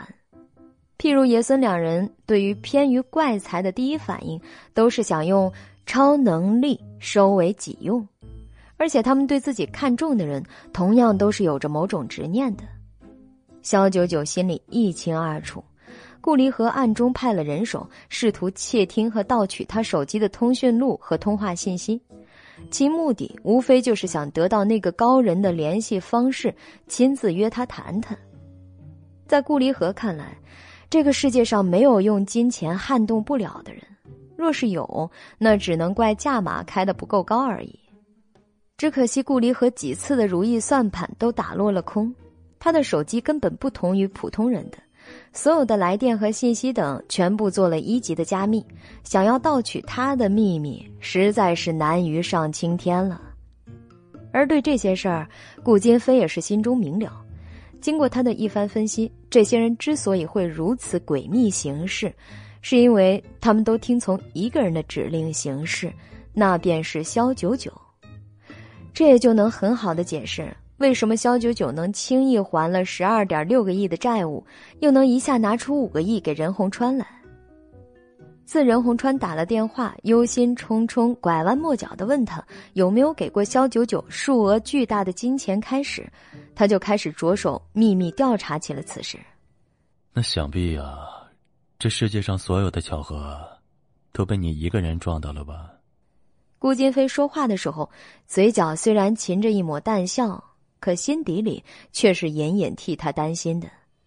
他调查了他名下所有的资产，他既没有任何形式的不动产、银行账户，也没有任何巨额的资金。给任洪川的那五个亿根本追查不到来源，就像是凭空从天上掉下来的一样。顾金飞对肖九九的财产一事毫无头绪下，便有了某种他自己都害怕的猜测：会不会是肖九九背后还有人，一个他并不知道的人，而肖九九一直在被他利用，做了他的一颗棋子而已？如若不然，根本解释不通肖九九为何能同时命令那些神级高手为自己做事，而身上又随时随地的都能拿出巨额的数目金钱来。肖九九开始好整以暇的斜睨着顾金飞，这位大佬分明是对他有了一些怀疑啊。也是啊，谁让他最近行事高调了些？别说他了，就是任洪川都开始怀疑，到底这个外孙女还是不是原来那个？该不会中途被人调换了吧？对顾金飞所有的试探，肖九九全部都像打太极一样缓缓的推开。于是，在车上，他什么也没有问出来。可是文杰斯却已经把车开到了金氏酒店的门口。肖九九麻利起身，打开车门，嗯，车门这次并没有锁死。看着他的一抹倩影，潇洒的下车，那一身紫色的连衣裙在风中轻舞，真是摇曳生姿啊！就连路人都看得吃了，差点几辆车撞到一起发生事故。对此，肖九九全然不理睬，只是对顾金飞挥了挥手，然后轻轻的走远。这个女人从来只负责点火，却不负责灭火，就像她在自己的心里种下了一颗坚固的种子，任它生根发芽，却从来没想过要对他种下的冤孽负责。顾金飞看着他远去，这一次没有做任何的阻止。他手里掂着那五瓶药，心下很是感慨：到底要怎么做才是真正的对他好呢？接下来的三天，肖九九都在疯狂的拍戏，几乎从早到晚，一天十几甚至二十个小时的连轴转。当然，因为跟他对手戏比较多的韩艺珍和欧若野也受到了影响。拍摄的戏份远比平时密集的多。这天，韩艺珍因为几次忘记了台词，导致拍摄卡壳，导演熊景便令他们稍作休息。连叔赶忙上前给韩艺珍擦了擦汗，肖九九则照旧找了座位，拿起剧本看了起来。其实，对于这部剧里的他的台词，他早就已经烂熟于心了。甚至于连对手戏的韩艺珍以及欧若野的那部分，他也都背得滚瓜烂熟。可惜他却没有办法在对戏的时候把自己这份超然的记忆力转给韩艺珍。连叔扶着韩艺珍要去专属的有空调的休息室里休息，经过肖九九身旁的时候，他忽地伸出了脚，想把肖九九的椅子绊倒。可是肖九九看着是全神贯注的埋首在剧本里，其实眼神早就随着他们的经过而关注着他们的一举一动。连叔刚伸出脚，他便一脚踩了上去，那一脚真是快准狠呐，让毫无防备只打算绊倒他就走的连叔立刻重心不稳，劈叉似的摔在了地上，顿时疼得大叫了起来。肖九九，你也前演播。第二百集，连叔摔倒在地上，韩艺珍赶紧来扶他，可是他却不依不饶的坐在那儿，保持着刚才的狼狈相，似乎有意把剧组的人都引过来旁观。我好好的经过这里，你竟然把我的脚踩住，害我摔倒，你可真是其心可诛啊！听到连叔的喊叫。果然不多时，剧组的工作人员还有在休息的演员们都跑了过来。肖九九的助理小杨赶忙蹲在地上，不停的给连叔道歉：“对不起啊，莲姐，您先起来再说话好吗？我来扶您。”只听一声脆响，连叔一掌狠狠的把小杨来搀扶他的手给打开了。那恶狠狠的一掌下去，他自己的手都被打疼了。可想而知，被打的小杨该是什么感觉？谁要你的假好心？给我滚！主子都那么恶毒，一个助理还能有什么好心？连叔继续指着肖九九喊道：“你今天必须给我一个说法，为什么要踩我的脚让我跌倒？我没招你没惹你呢，凭什么这样对待我啊？肖九九，别以为你嫁了个山文老总，整个剧组都在怕你。你耍大牌没人敢说你，我也不敢得罪你吗？你看看你这些天啊，为了一己之私，把整个剧组折腾成什么样了？你影响了所有人的工作，就因为你想跟你老公去度什么蜜月，哼，真是可笑哈！有几个臭钱就了不起了吗？连叔借题发挥一样，连喊带叫，不依不饶的说着。小杨捂着自己的手，他的手背已经被连叔打了一个鲜红的印子。可是听到他这样说，小九九立刻忍着疼痛道：“连姐，这事儿肯定有误会。九九在剧组这么长时间了，他的为人大家都很清楚，绝对不是那种故意使坏的人，耍大牌也是网上胡说八道，您可不能信呀。”你是他的一条狗，当然要替他说好话了。连叔完全没拿小杨这样的助理当回事儿，眼神里带着轻蔑和鄙视。像他这样的小助理，在他看来就是伺候人的低贱丫头而已。你没有资格替他说什么，我要肖九九亲自给我道歉。不管剧组有多少人，甚至韩艺珍亲自来劝，连叔就是不起来。看着一线经纪人如同泼妇一样死活不听劝，剧组更多的人围了过来，有继续劝导的，有冷眼旁观的，也有幸灾乐祸瞧好戏的。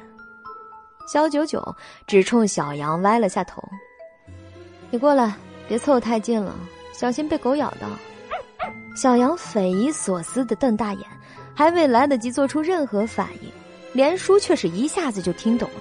立刻涨红了脸，肖九九，你他妈的说谁是狗呢？谁承认，就说谁是狗了。肖九九慢条斯理儿的转头命小杨道：“去帮我沏一杯上好的碧螺春来。”小杨无辜的眨了眨眼，看这里紧张的局势，他实在不愿就这样走开。万一肖九九被连叔他们欺负了怎么办？可是，他犹豫着张了张嘴。肖九九却沉下了脸，故作不高兴的样子。还不快去吗？小杨这才不情不愿的朝着剧组的茶水间走去。连叔差点被气疯了，指着肖九九：“你，你，你，你敢骂我是狗啊？还这样无视我！”终于，韩义珍见事情已经发展到这个地步，也站出来为连叔说起话来。九九，不管你是不是故意的，云姐确实是因为你被踩了才会跌倒的。你说话的时候只要稍微客气一点，云姐也就不会这样了。她平时可不是一个小心眼儿的人。韩以真的话里有话，让围观的人们都听得心知肚明。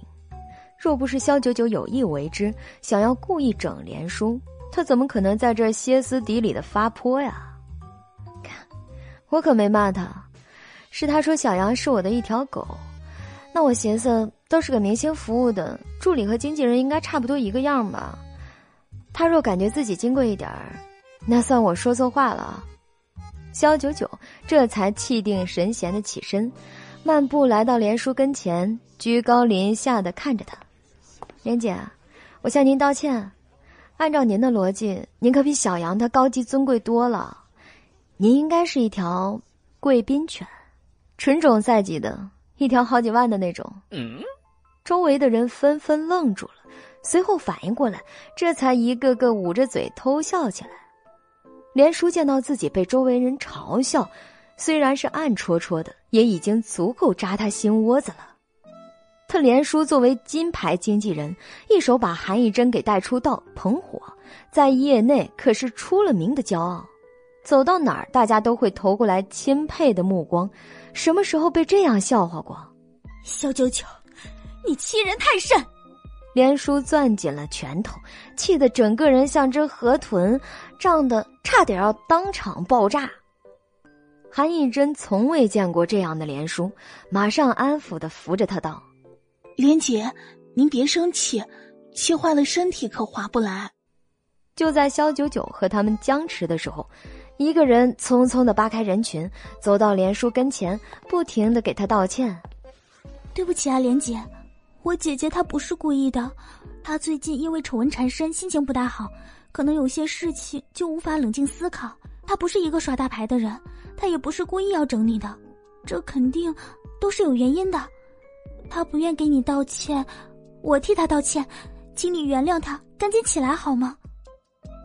众人定睛一看，只见萧晴晴红着眼眶，声音涩哑的不停给连叔赔着不是。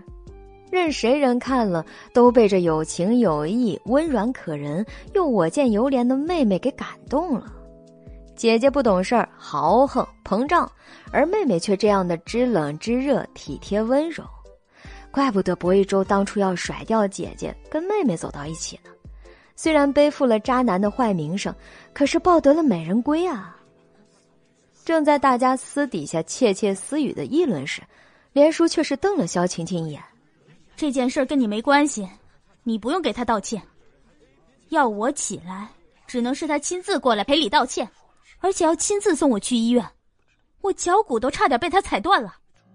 萧晴晴还在抹眼泪儿又怯生生的看着萧九九说道：“姐姐，这可怎么办啊？妹妹真的尽力了，没有办法了。”剧组里的人围的越来越多，甚至导演和副导演也亲自上阵，想劝劝连叔。可是他就是不肯起来，打算今天就跟肖九九死磕到底了。几乎所有人都在盯着肖九九，虽然不说话，但是看好戏的心情是一致的。只见肖九九不紧不慢的把嘴里最后一点瓜子儿嗑完了，拍拍手，对坐在地上已经有十几分钟的连叔眯了眯眼睛：“连姐，您这身体可真是好啊！”这么热的天儿，这地上少说得有五六十度吧？您就这么坐着，外面碰瓷儿的大爷大妈都没您这身体结实。萧九九轻笑一声道。